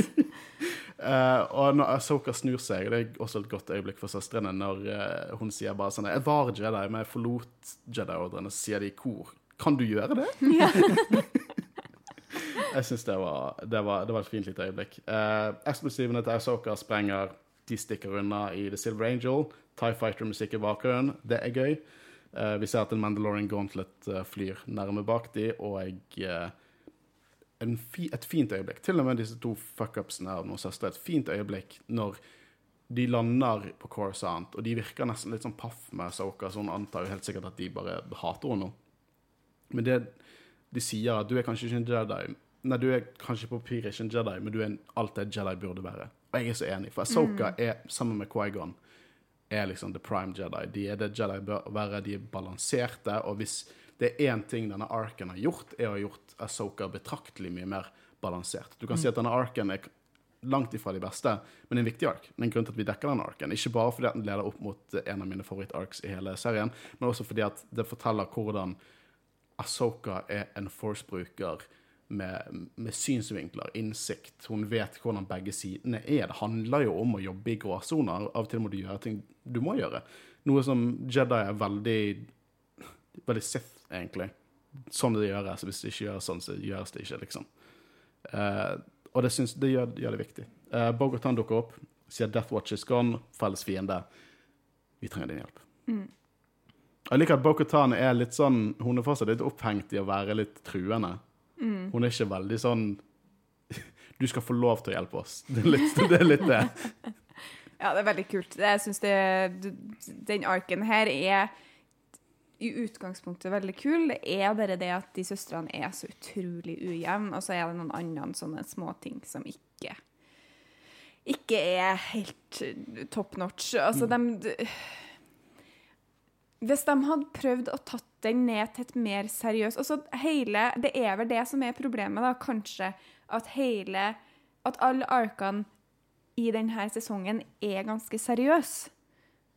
Og så vil de ha med noe seriøst her, men så føler de sikkert kanskje at vi må ha, vi må ha Clone Wars-humoren med også. Og så treffer de noen gang, som du nettopp var inne på, og så bommer de også noen gang. Tror dere kanskje det er sånn eh, at de, må, de har sånn humorbudsjett så de må komme inn? Også siden de skulle lage Siege of Mandalore, der det er superseriøst og mørkt, liksom. Så bare sånn Ja. vi må slenge alt inn i Ja. Mattel-søstrene. Hvis det er noen jeg tror er, er opptatt av, av humorbudsjettet, så tror jeg det er Dave Filoni som har vært med og, og skrevet eh, denne eh, episoden. Ja. Eller arken. Ja. Eh, han tror jeg nok er glad i den eh, Han, han, ja, men han, han er det. Um, liksom All hail Dave, Dave Filoni, bla, bla, bla. Jeg vet det. Han, han er liksom the second coming of Josh Lucas i sin prime. Kinda. Eh, Jeg syns han har gjort utrolig mye bra for Star Wars. Jeg er så sykt stor fan av mye av det han har gjort. Men uh, jeg tror han har et annet innblikk i hva Star Wars skal være til tider, uh, enn det mange andre voksne Star Wars-fan forventer Star Wars skal være. Og av og til, mesteparten, liksom, jeg vil si ni av ti ganger, så treffer han spikeren perfekt. Eh, men til tider så treffer han ikke så perfekt. Til tider er det litt toneproblemer. Til tider er det humor jeg bare sjøl ikke setter pris på. Men det er min mening. Ja, jeg føler han er veldig på en måte Som du sa, second coming of George Lucas, men han er òg på en måte en student av George Lucas, hvis det gir mening. Så han tar både de positive og de negative, negative tingene fra Jeg syns han, han er en bedre writer og storyteller enn George Lucas. Men han tar, jeg, tror han jeg tror han har tatt for det meste det positive av det, men du ser av og til litt sånn Phantom Menacing-ting. Og det, det er litt sånn frustrerende, for jeg ser så godt hva det er de prøver å gjøre her med karakteren Trace. De prøver å på en måte la Asoka møte noen som er som seg sjøl. Hun er jo i, i en veldig turbulent situasjon der hun nettopp har forlatt Jedi-ordren, og livet hennes er skrudd opp ned, og hun, hun vet ikke noen ting, på en måte. Og så møter hun noen som er samme kjønn, samme alder, speiler hun sjøl på mange måter, men også er det stikk motsatte. Har helt annen opplevelse Mm. enn Asoka sjøl har. Og jeg ser så utrolig godt hva de ville med den um, Med det. At hun skulle møte seg sjøl, på en måte. Men jeg for min del tror det hadde vært bedre hvis hun hadde kunnet møtt noen noe omsorgspersoner der. Mm. At hun, hun hadde kunnet havna altså Si da, nå spitballer jeg kind of bare, men et litt eldre par. Altså ikke på hennes alder, men, men noen som kunne ha vært mer sånn foreldrerolle. Noen som tar vare på henne. Den rollen som Anakin på en måte har. Ikke at han er en far, sånn som hun sjøl beskriver han mer som en storebror. sant? Men hvis du skulle hatt noen på Anakin sin alder, så hadde problemet med på en måte forelskelse og alt det der, og gutter og jenter kan jo ikke være sammen uten å bli forelska, sant? Eh, altså, jeg tuller bare, men det problemet hadde oppstått hvis du hadde satt inn en sånn karakter. Men hvis du hadde tatt rollen til Anakin som omsorgsperson, putta det på kanskje en litt eldre mann, sånn at kjærlighetsforhold ikke hadde vært eh, på, på tallerken, på en måte. Eh, og som kunne hatt samme historie, kunne opp, vært et offer for det krasjet. De kunne ha mista butikken sin, f.eks. Eh, sånn at de ikke hadde noe, noe de kunne brødfø seg på lenger. Sånn at de måtte snu seg til, til crime. Eh, de kunne ha gjort samme Spice Run. Eh, og Asoka kunne ha blitt med og hjulpet fordi hun hadde sett at de ikke hadde noe annet valg. Mm. Eh, og ikke, hun hadde ikke hatt lyst til å være med på det, men hun hadde gjort det fordi hun bryr seg om denne personen som har tatt seg av henne når hun hadde havna sjøl i en dårlig situasjon. Han kunne, han kunne kanskje mista dattera si i denne ulykken. Det kunne vært samme fortelling, samme Ja, basically samme greia. Bare tematisk jeg, eh, jeg, jeg tror det hadde vært mye sterkere hvis det var Anakin, på en måte. Asoka så i den hun møtte, men også en helt annen person Mm. enn Anakin. Altså Samme som på en måte du får både speilinger og motsetninger med Trace, at du også har fått speilinger og motsetninger med Anakin i den personen hun møtte, og at hun hadde fått Jeg tror, jeg tror hennes hennes oppvåkning, på en måte, eller hennes eh, syn på hvordan ting fungerer, hadde kunnet vært, mye sterkere hvis hun hadde hatt enda mer sympati. I hvert fall hvis vi hadde hatt sympati med den karakteren. For jeg tror det er det vi mister. Vi har ikke sympati med karakterene, selv om jeg har det på en måte, men ikke sånn som de blir fremstilt. har de, har de sånn Intellektuelt har jeg det, men samtidig flytende sekunder. Vi snakker om foreldrene sine og Jedi, så har jeg sympati for dem. Men Ja. det bare de er så dårlige. Ja, ja jeg tror eh, jeg, jeg ser hva de ville, og jeg, jeg tror at, at det var litt action- og humorelementet som, eh, som kom inn der. Vi måtte ha noe bickering og noe, og, og noe springing frem og tilbake. Noen som på en måte kunne lage litt leven og litt liv og litt, litt moro. Eh, og så bare bomme dem litt, tror jeg. Mm, jeg er helt enig. Og, um, og uansett så føler jeg at det er minst én episode for mye. Så det er, Mm. det er bare Som jeg allerede har sagt, jeg har ikke så store problemer med disse episodene som dere, men det er fortsatt ikke favoritt-arken min. Nei. Jeg, og eh, som alle har sagt nå, jeg liker hva de prøver på, men de feiler litt. Ja. Det det også har fått meg til å uh, forstå, eh, skal jeg til å si, er at eh, eh, det hadde vært kult med typ eh, Breaking Bad i Star Wars-universet, eller et eller annet sånt. Og en Sith. Så, en Jedi som går Sith. Eh, nei, ikke noe med Jedi og Sith. Bare en fyr som uh, Med Spice, liksom. en Spice Runner, og som uh, så havner i liksom clinch med, med kartellene Som en og annen sånn uh, samme Ja, hadde kunnet vært en Walter White-type person eh, dere hadde møtt eh, i, i stedet. Ja. Nei, jeg, jeg, jeg, jeg kan ikke si at jeg er uenig, nei. Det, det kunne vært noe bedre i dette her. Men det jeg sitter igjen med, er at hver gang vi har mast om sesong syv, så har vi sagt 'Å, sesong syv'. Å, sesong syv.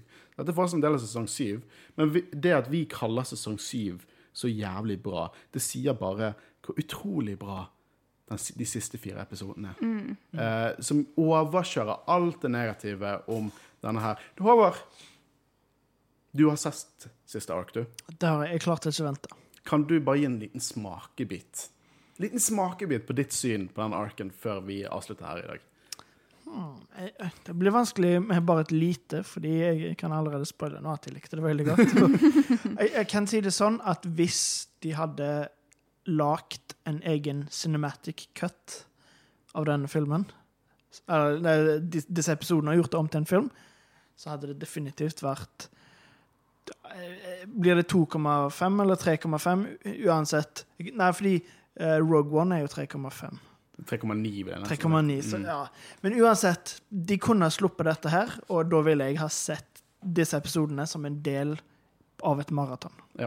Og det, det, kommer jo jeg, det kommer jeg til å gjøre i neste maraton. Bare Ja, vi har jo siste, snakka om det. siste arken i sesong 7. Mm. Med musikken, eh, alt. Nå skal ikke jeg gå for langt ut, eh, fordi vi har Og mer Asoka! mer Asoka. Noen av de beste Asoka-episodene. Ja. Vi har snakket i over to timer. vi. Det har vi. Vi prøvde å være kortfattet, men vi klarte ikke å mase noe mindre om den arken vi mislikte minst. Hvis det tilfeldigvis skulle være noen Potter-generasjon-lyttere i- som hører på, er det noen som er overraska over at den episoden jeg var med på, ble litt lang? Men òg, vi har jo snakka om to arcs der. Ja. Vanligvis så eh, holder vi oss jo på én time på én ark. Så sånn Det gir, sett, det så. gir jo mening, egentlig. Jeg håpet vi skulle klare det på en og en halv time. Helvete redigere dette. Men det går fint. Vi, er bare, vi har vel egentlig bare fucket opp én gang. Eh, Om det vil ikke dere lyttere skjønne, nå snakker jeg veldig meta her. Men uansett. eh, vi eh, nærmer oss avslutningen.